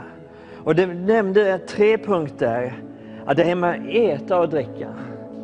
Det här med kroppen, att vi ska inte vara bekymrade vad vi ska sätta på oss. Det refererar till hälsa. Och också det här med kläder och betydningen av det sociala livet. Gud är verkligen med oss och har liksom täckt allt det grundläggande, eller hur? Kan du utdypa lite? Ja, men jag, jag tror att speciellt i de här tiderna som vi har befunnit oss i så har liksom den här eh, undervisningen om att tala om bekymmer och så vidare har haft sånt fokus på corona så att vi har glömt att människor brottas faktiskt med vardagsgrejer. Människor har problem i områden av livet som inte har med det att göra. Eh, vi måste adressera det och jag tror att Sverige, vi, vi har ett stort problem på det här området faktiskt. Men framförallt så det viktigaste om man ska uppsummera hela din predikan i en enda punkt. Så tänkte jag på det här. Lyfta blicken på Jesus. Amen. Yes. Där är vår hjälp. Ja, så är det. Eh, det, och jag tänkte också en av mina favoriter, det är Psaltaren 23. Första versen. Du vet ju vad det står. Herren min herde, Mig ska inte fattas. mig ska inget fattas. Jag tycker att den är ändå vassare på engelska. Och du vet vad det står? I shall not want. I shall not want. Och vad betyder ordet want? Jag vill jag ha någonting. Att man inte ska önska sig någonting. Ja. Alltså önskning går utöver behovet. Mm, yes. Får man det man önskar sig så, täcker det vad man behöver. Det tar det ändå vidare. Vilken fantastisk Gud vi känner. Om du vill säga en sista hälsning till dem eh, som tittar på. Eh, nu blir det här väldigt spontant. Eh, där kanske någon som bara fått med sig liksom halva din predikan. Ska du, vill du ge en liten slutkläm? Ja, nej men jag tänker att världen vill lura oss att om jag inte oroar mig för någonting så tar jag inte ansvar. Det finns en lögn i det. Man tror att, att oroa sig är att ta ansvar. Och eh, där är det är så viktigt att förstå, det är det mest oansvariga du kan göra många gånger, det är att stänga bort Gud. Han som faktiskt har förmågan. Och läser man Matteus 6 så säger han så här, jag vet ju att ni behöver allt detta och ni, jag vill ge det till er. Bara det att ni har fel fokus. Utan fäst er blick på mig, hallå, du kommer få allt det andra också. Ja. Jag tänker också här och nu på det här året när eh, Jesus hade stått upp ifrån de döda och återsamlats med sina lärjungar. Så sa han, när jag sände er ut, var det någonting som fattades er? Och han bara konstaterar, eller de konstaterar, nej, ingenting alls. Bra. Vilken fantastisk Gud vi känner. Yes. Eh, vill tacka dig för att du tittar på. Eh, fortsätt att göra gärna det. Eh, vi är i färd med att avsluta fas nummer två och Eh, vi ska få lyssna på en sång igen. Och så ska vi gå över till att eh, bland annat be för dina, de bönämnen som redan har kommit in. Och vill du fortsätta att skicka in bönämnen så kan du gärna göra det. Du kan bland annat skriva det, eh, ditt bönen i kommentarsfältet här på Facebook livesändningen. Och det finns även en möjlighet att skicka in och telefonera in ditt är bönerna. Men vi vill mycket gärna be för dig eh, om en liten stund. Men innan vi gör det och börjar med den sista fasen eh, så ska vi faktiskt få lyssna på en eh, sång igen ifrån det här fantastiska lovsångsteamet vi har med oss ikväll. Varsågod.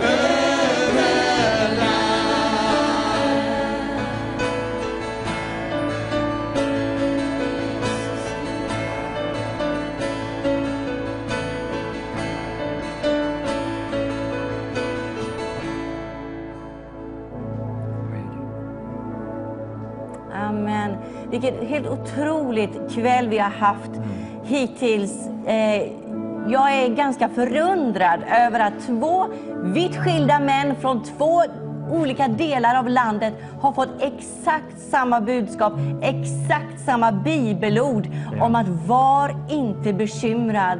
Det här är någonting som ligger på Guds hjärta tror jag, för Sverige i denna tiden. Var inte bekymrad. Det är någonting som media har försökt att lägga på oss väldigt starkt den sista tiden, att vi ska vara bekymrade över saker och ting. Och, och det har liksom, det har glömts bort som Thomas sa. Det här med att, att vardagstingen, det man faktiskt kan slita med, det här med, med ekonomin och hälsa, relationer, kroppen. Alltså det här är någonting som har varit bekymmersamt för väldigt, väldigt många. Ensamhet är en annan sak som har varit bekymmersam för svenskarna i denna tiden. Men Gud säger kasta bekymren på mig. Låt mig få ta bördan. Fokusera din blick på mig så att jag kan hjälpa dig igenom. Du behöver inte oroa dig. Du behöver inte frukta.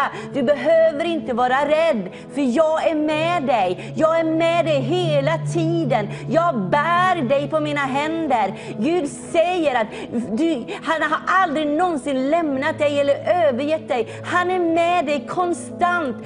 24-7 så är han med dig. Runt dygnets alla timmar, veckan ut, året om, så är han med dig. Han har aldrig lämnat dig. Han har aldrig någonsin övergivit dig. Jag tänker det är fantastiskt vilken omsorg Gud har som kommer med detta budskapet denna fredagkväll. Var inte bekymrad. Det är Guds omsorg till dig. Det är Guds kärlek till dig. Han talar det i kärlek som en pappa du behöver inte bekymra dig. Du behöver inte oroa dig. Jag har dig. I got you. Jag har dig i min hand. Helt fantastiskt. Tack Jesus. Men nu ska vi eh, alldeles strax eh, fortsätta och vi ska börja och gå in i en bönetimme, i alla fall nästan en hel. Eh, så återigen så vill jag uppmuntra dig till att sända in dina bönämnen som du eh, kan göra i kommentarfältet på Facebook eller du kan även också då ringa in. Eh, innan vi kommer så långt, vad ska då hända Elin? Vi kommer att sjunga en stund till och bara lovprisa Gud. Guds närvaro är så påtaglig. Och jag ser i kommentarsfälten att, att det är några som säger att Guds närvaro är så stark. Så det var en som till och med fick lägga sig på sängen för att det, det var Guds, hon kände Guds närvaro så Precis. starkt. Och Gud är här, han vill röra vid oss. Han vill röra vid dig genom rutan, genom TV-kanalen. Även om vi känner Guds närvaro så starkt här så vill han vara med dig också där du är med sin närvaro och sätta dig fri. Därför att frihet har ett namn. Så vi kommer lovprisa Gud. Sen kommer Sven att komma upp och dela någonting mer med oss. Men vi ska tillbe Gud en liten stund till tillsammans.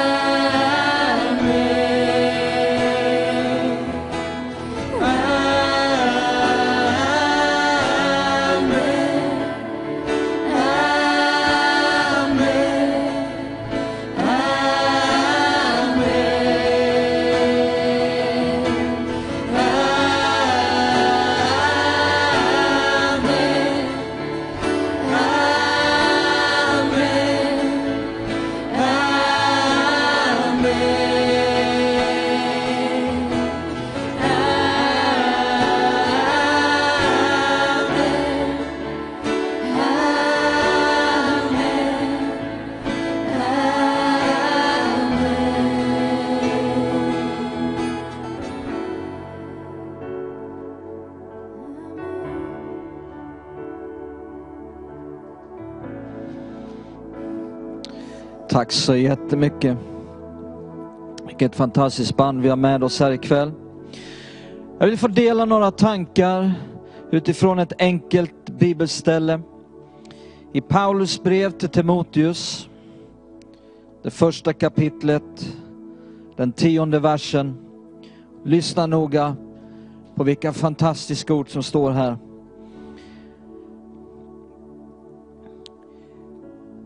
Nu har hans nåd blivit uppenbarad när vår frälsare Kristus Jesus har trätt fram.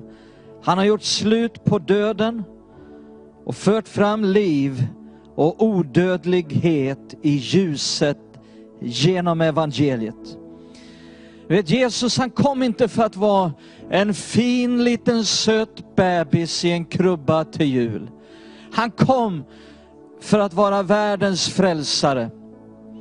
Du vet det här ordet frälsare som vi läste i den här versen, det är ett väldigt speciellt ord. Det är ett gammalt svenskt ord som betyder befrielse. Det, det kommer utav ett annat ord som är frihalsning. Frihalsning, det, det handlar om när en, när en träl befriades ifrån det här halsjärnet och förklarades fri.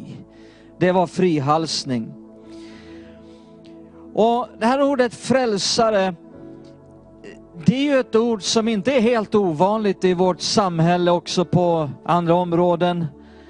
Inom idrottsvärlden till exempel så hör man ofta talas om en, en frälsare. Här kommer lite tidningsrubriker, gamla, lite nyare. I Expressen kunde man läsa om 18-årige målvakten frälsare för Luleå. SVT rapporterade om Fansen ser Hussein som frälsare. Aftonbladet skrev om Maradona som 1986 förvandlades till både frälsare och fuskare. Men även på andra håll används ordet frälsare. Enligt Kristianstadsbladet är Tysklands förbundskansler ingen frälsare. Arbetarbladet skriver Symfonikernas frälsare är nu här. Någon tidning skrev om Miljöpartiet har tappat tron på sin frälsare Fridolin. Må bra skriver om frälsaren i kryddhyllan, salvia, och förklarar att salvia kommer av det latinska ordet för frälsa eller rädda. En frälsare är helt enkelt någon som dyker upp när det är nödläge, när det är väldigt mörkt och räddar och förvandlar hela situationen till seger och lycka. Den 21 november 2010 befann sig den amerikanske marinkårssoldaten Kyle Carpenter tillsammans med sin kamrat bakom några sandsäckar liggandes uppe på ett tak. De var där för att bekämpa en attack från talibaner på en liten by i Marja, Helmansprovinsen i Afghanistan. Plötsligt så landade en granat alldeles bredvid dem. Kyle Carpenter tvekade inte, han kastade sig över den här granaten för att rädda livet på sin kamrat.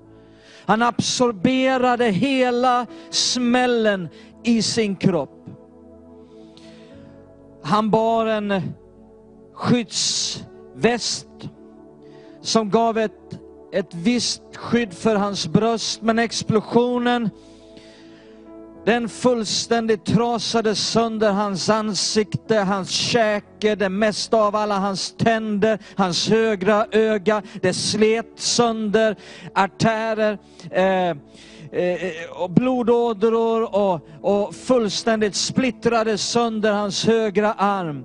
Och där blev han liggande under ett tjockt moln av grå rök och kraftigt blödande mirakulöst så överlevde han den här händelsen och hela transporten hem till USA och mer än 30 operationer utav helt fantastiska, fenomenala läkare. Och han belönades med den främsta av alla hedersmedaljer i USA som väldigt få soldater har belönats med, Medal of Honor. Och naturligtvis i hans kropp så var han kraftigt märkt för resten av hans liv. Kyle Carpenter mindes ingenting, minns ingenting utav den här händelsen när han var villig att offra livet för att rädda livet på sin kamrat. Men den vars liv han räddade kommer aldrig att glömma. Kommer för alltid att vara oändligt tacksam för vad han gjorde. Kyle är den mest rätta definitionen av en frälsare. Någon som räddar någon i en mycket allvarlig situation. Vi läste här att Jesus har fört fram liv och odödlighet i ljuset genom evangeliet. Det här ordet evangeliet är ett grekiskt ord som vi inte har översatt, men om man gör det, det betyder glada nyheter. Evangeliet är en berättelse som är sprungen ur en väldigt allvarlig situation. Om hur människan i begynnelsen skapades till gemenskap med Gud, men människan som valde att vända Gud ryggen och avsäga sig hans rådande, människans fall, blev en fullständig skilsmässa från Gud. Det innebar död, fysisk såväl som andlig död. Det innebar att hela skapelsen lades under förbannelse och nöd. Men Guds kärlek i sin son Jesus Kristus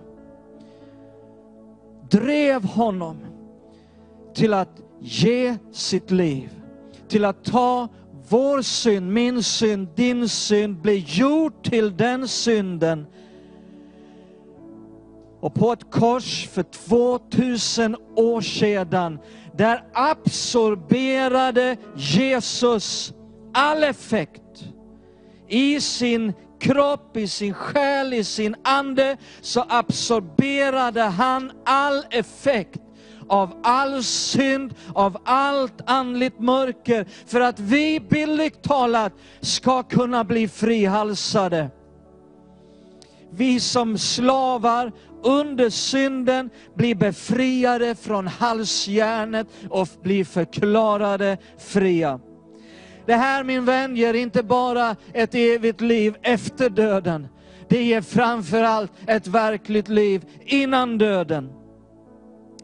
Naturligtvis, Gud tvingar inte detta på en enda människa. Människan valde av fri vilja i, vilja i begynnelsen att vända Gud ryggen. Och också av fri vilja kan en människa komma till Jesus och säga Jesus, kom in i mitt liv, kom in i mitt hjärta. Man kan komma till Jesus och säga, ja tack, jag behöver det du gjorde för mig. Johannes aposteln skriver i sitt evangelium, men åt alla som tog emot honom gav han rätt att bli Guds barn, åt de som tror på hans namn. Alla som tog emot honom. Min vän, ikväll, om du inte redan har gjort det, kan du ta emot Jesus i ditt liv. Ta emot honom som Herre, som frälsare. Ta emot det eviga livet. Ta emot att himlen får bli ditt hem, dit du får komma när du slutar det här livet på jorden. Ta emot en förlåtelse, en rening ifrån allt som du kan känna ångest, ånger, skam över att du har sagt eller gjort det. Ta emot en förlåtelse, ta emot en rening, ta emot en ny start i livet, ta emot en ny mening med livet, ta emot en glädje, en frid som bär genom alla omständigheter. Ikväll kan du få ta emot Jesus som din frälsare precis där du är. Du kan få göra det under den här sången vi ska sjunga nu. Bara forma en enkel bön, säga Jesus, bli min frälsare, bli min Herre. Gud välsigne dig min vän.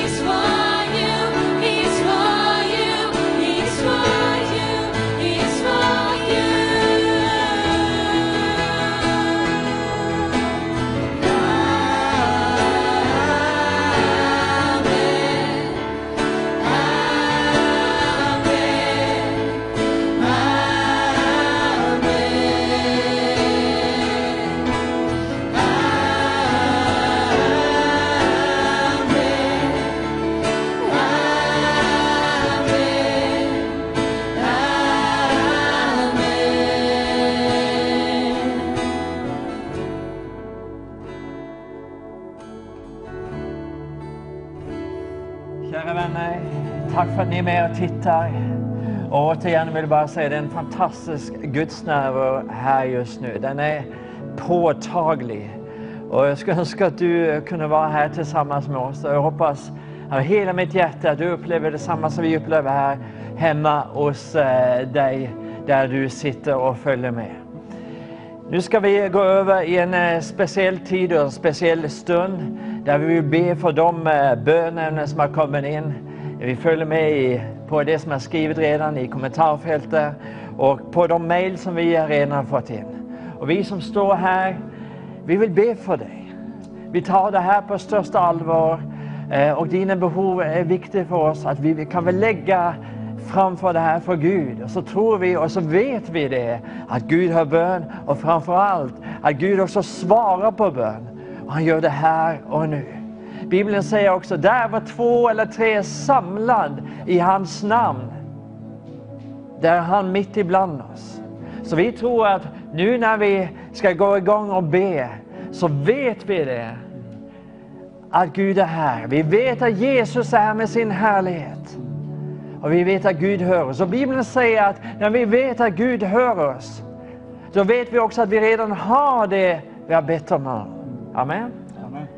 Jag tänker också att vi vill bara, bara för att sammanfoga det här budskapet som har blivit uttalat den här kvällen om att var inte bekymrad. Så vill jag börja med att bara be för dig som har varit bekymrad, som har burit på de här bekymren, som har burit på de här oron.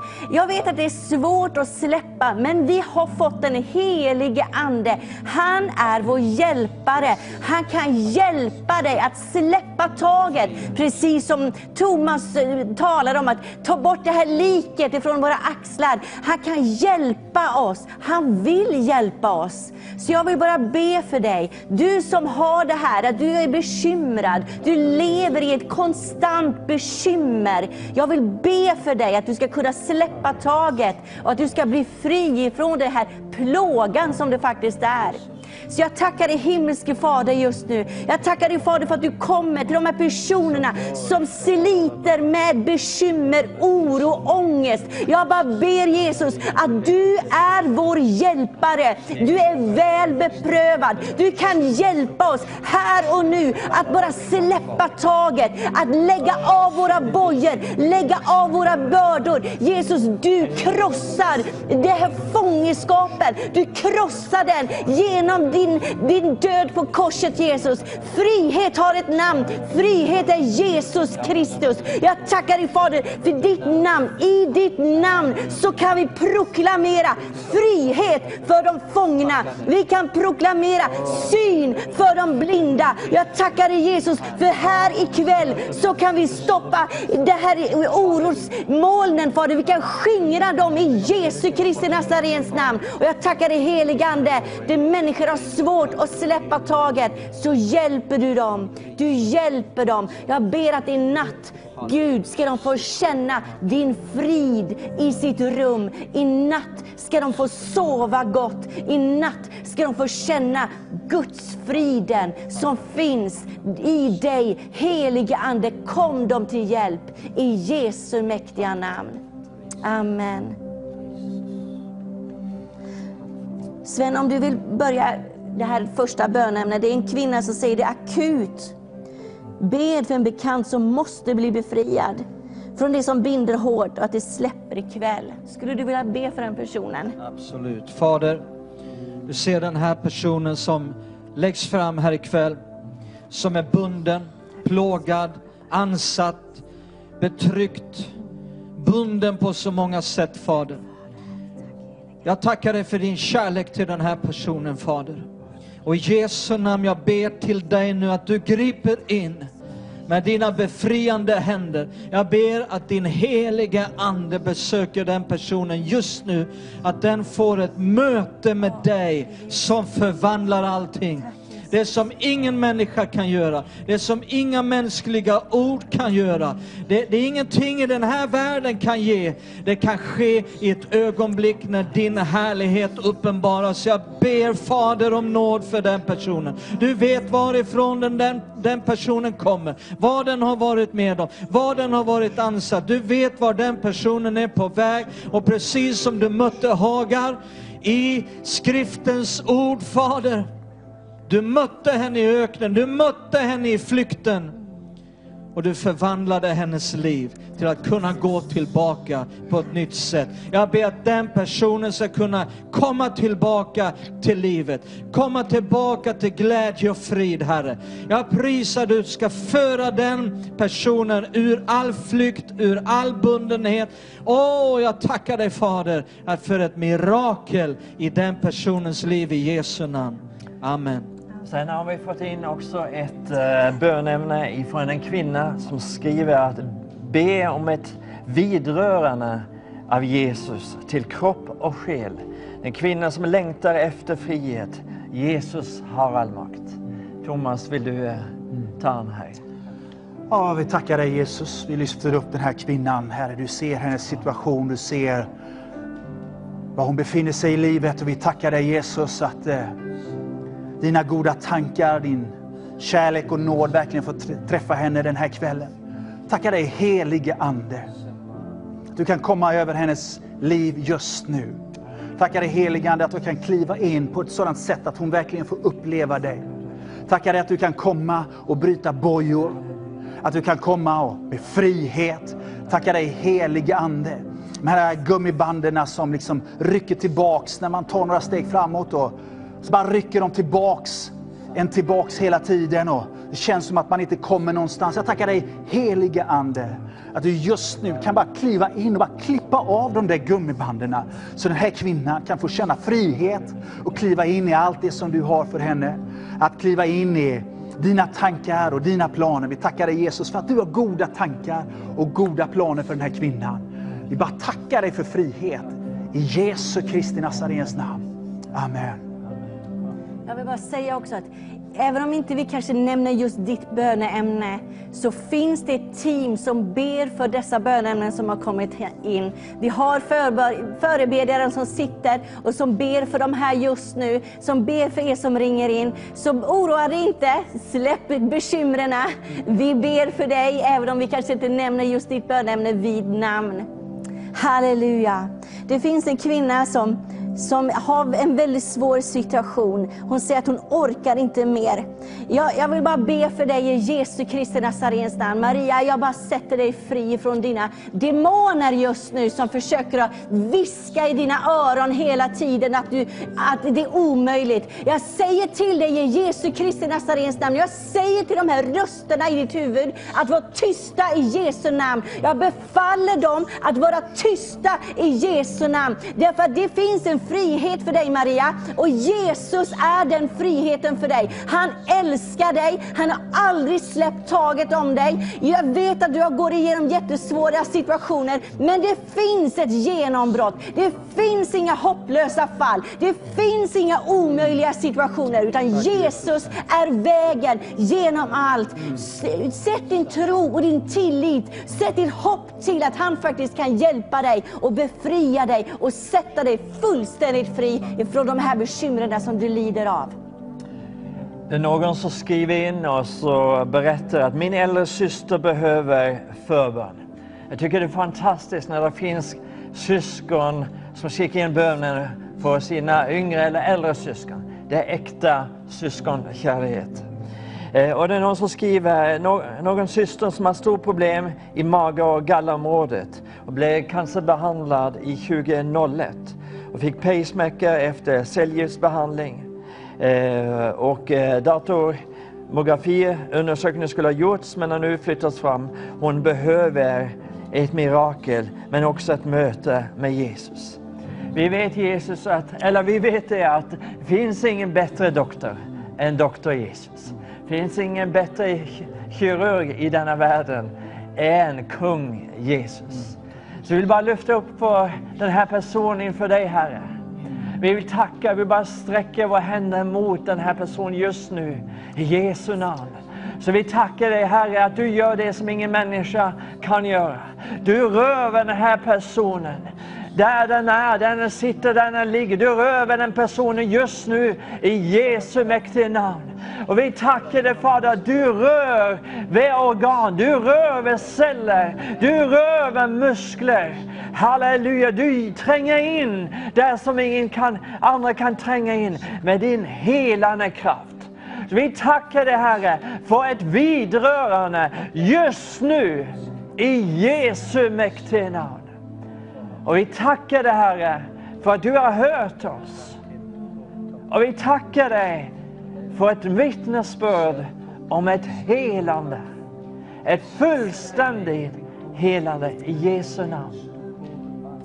Innan vi fortsätter att be så ska vi ta en till lovsång och bara tillbe Jesus.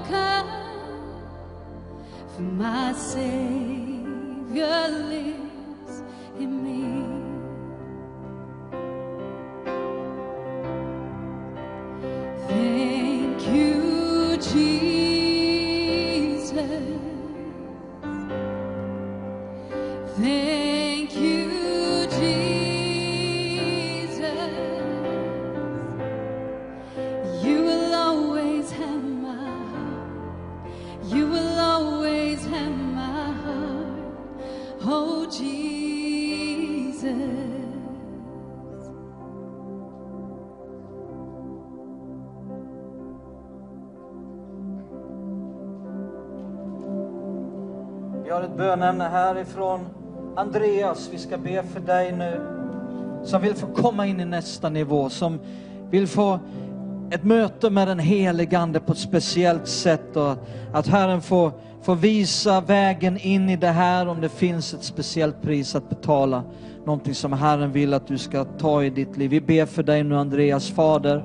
Jag tackar dig för din plan för Andreas. Jag tackar dig Fader att du har en underbar framtid. Du har tänkt inte ofärdens tankar utan fridens tankar för Andreas. Till att bereda en framtid och ett hopp. Du ser hans längtan, du ser hans hjärta, hur han vill tjäna dig. Han vill ge hela sitt liv i tjänst för dig, i gemenskap med dig, i vandring med dig. Han vill få komma in i, i någonting som är nästa steg, som är nästa nivå, som är nästa fas. Åh, vi tackar dig för utveckling, vi tackar dig för progression. Jag tackar dig för allt det som du har gjort i Andreas liv, allt det som du har deponerat i hans liv, allt det han har fått vara med om. Men han hungrar efter mer, han vill ha mer. Och jag tackar dig att du är en Gud som vill göra mer. Du vill göra mer än vad vi kan be eller tänka, fantisera, drömma om.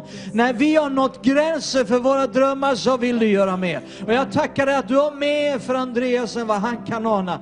Och nu ber jag dig att du leder honom in i det livet, in i det Fader.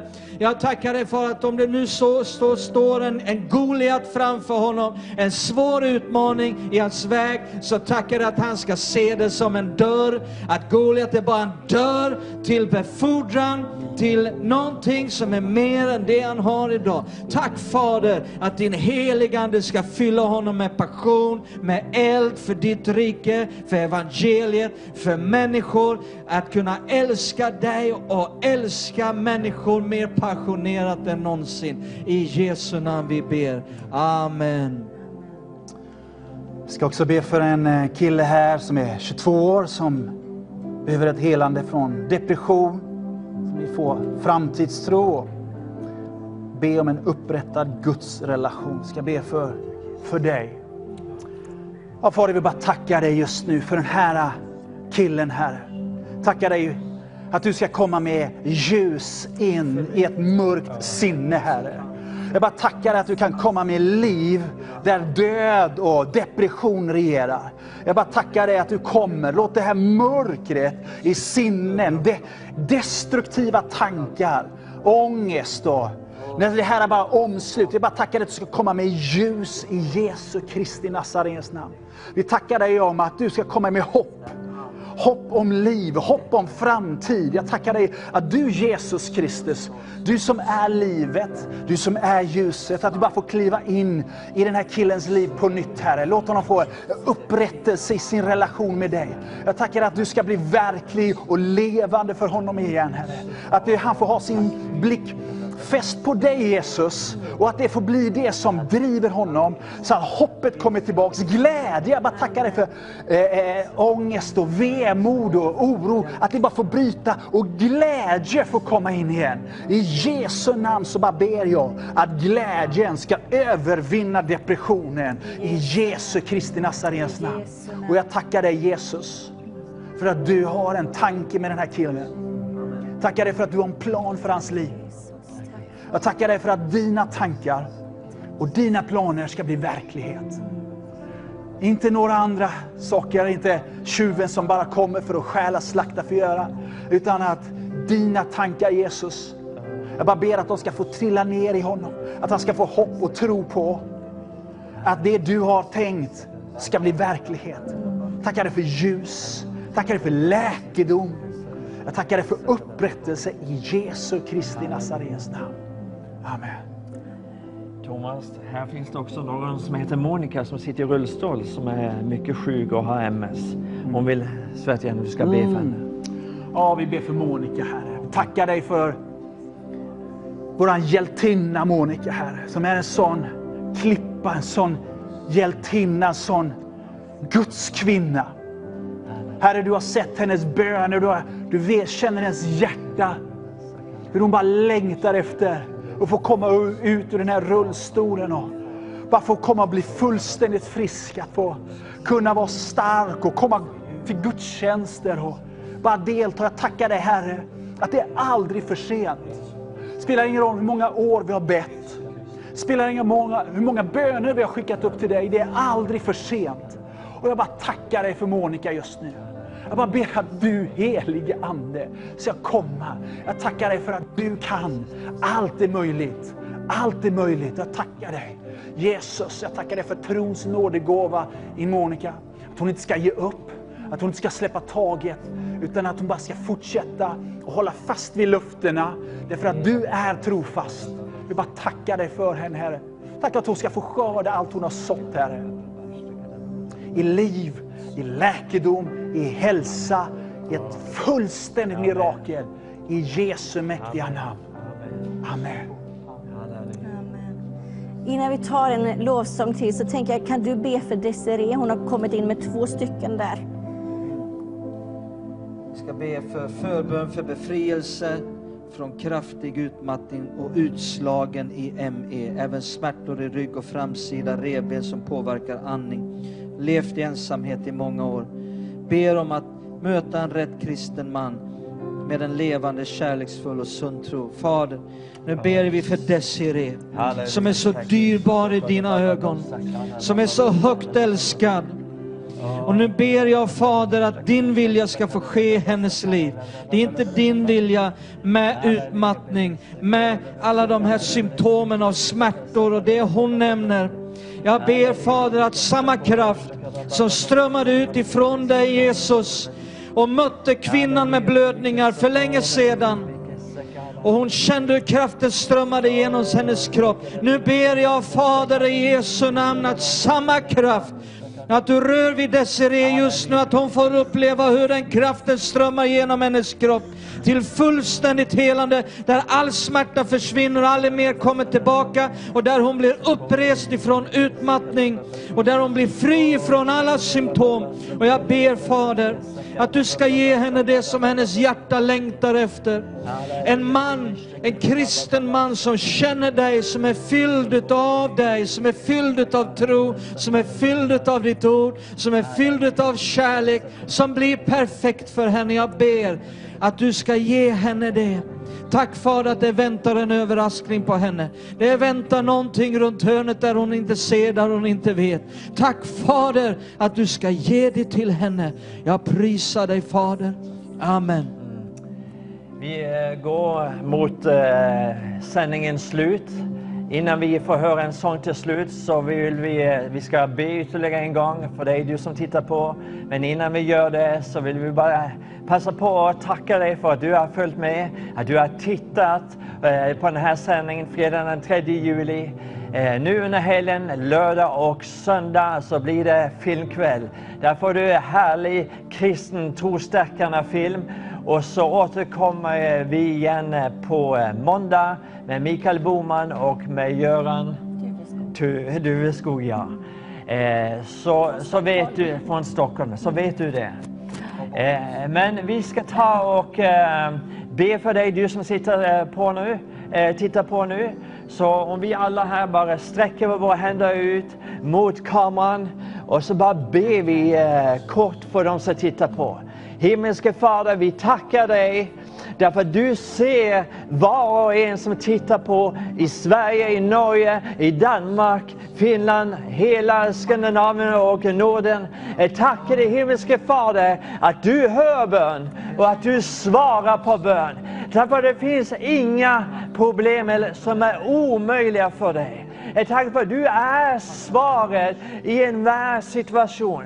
Jesus Kristus är igår och idag densamme. Ja, till evig tid. Han är vägen, han är sanningen och han är livet. Han är svaret för mig och dig. Halleluja! Han är bron mellan döden och livet. Så lyft en blick. Var inte bekymrad. Sätt en blick på Jesus och lita på att Herren är din herde. Amen. Amen. Vi vill bara tacka också jätte, så jättemycket Sven och Thomas för att ni har varit här i kväll. Det har varit helt underbar kväll alltså. Vi är så tacksamma. Eh, Gud välsigne och kör försiktigt hem. Ja. Jag vill också eh, tacka lovsångsteamet som varit med oss. otroligt. Eh, Louise och Jenny och Camilla och Karolina och Daniel. Ni har gjort ett fantastiskt jobb och erbjudit underbar lovsång. Ja. Eh, så eh, återigen, ni som har tittat på, tack för att ni har varit med. Gud välsigne dig och ha en fortsatt riktigt god sommarkväll. Hej så länge.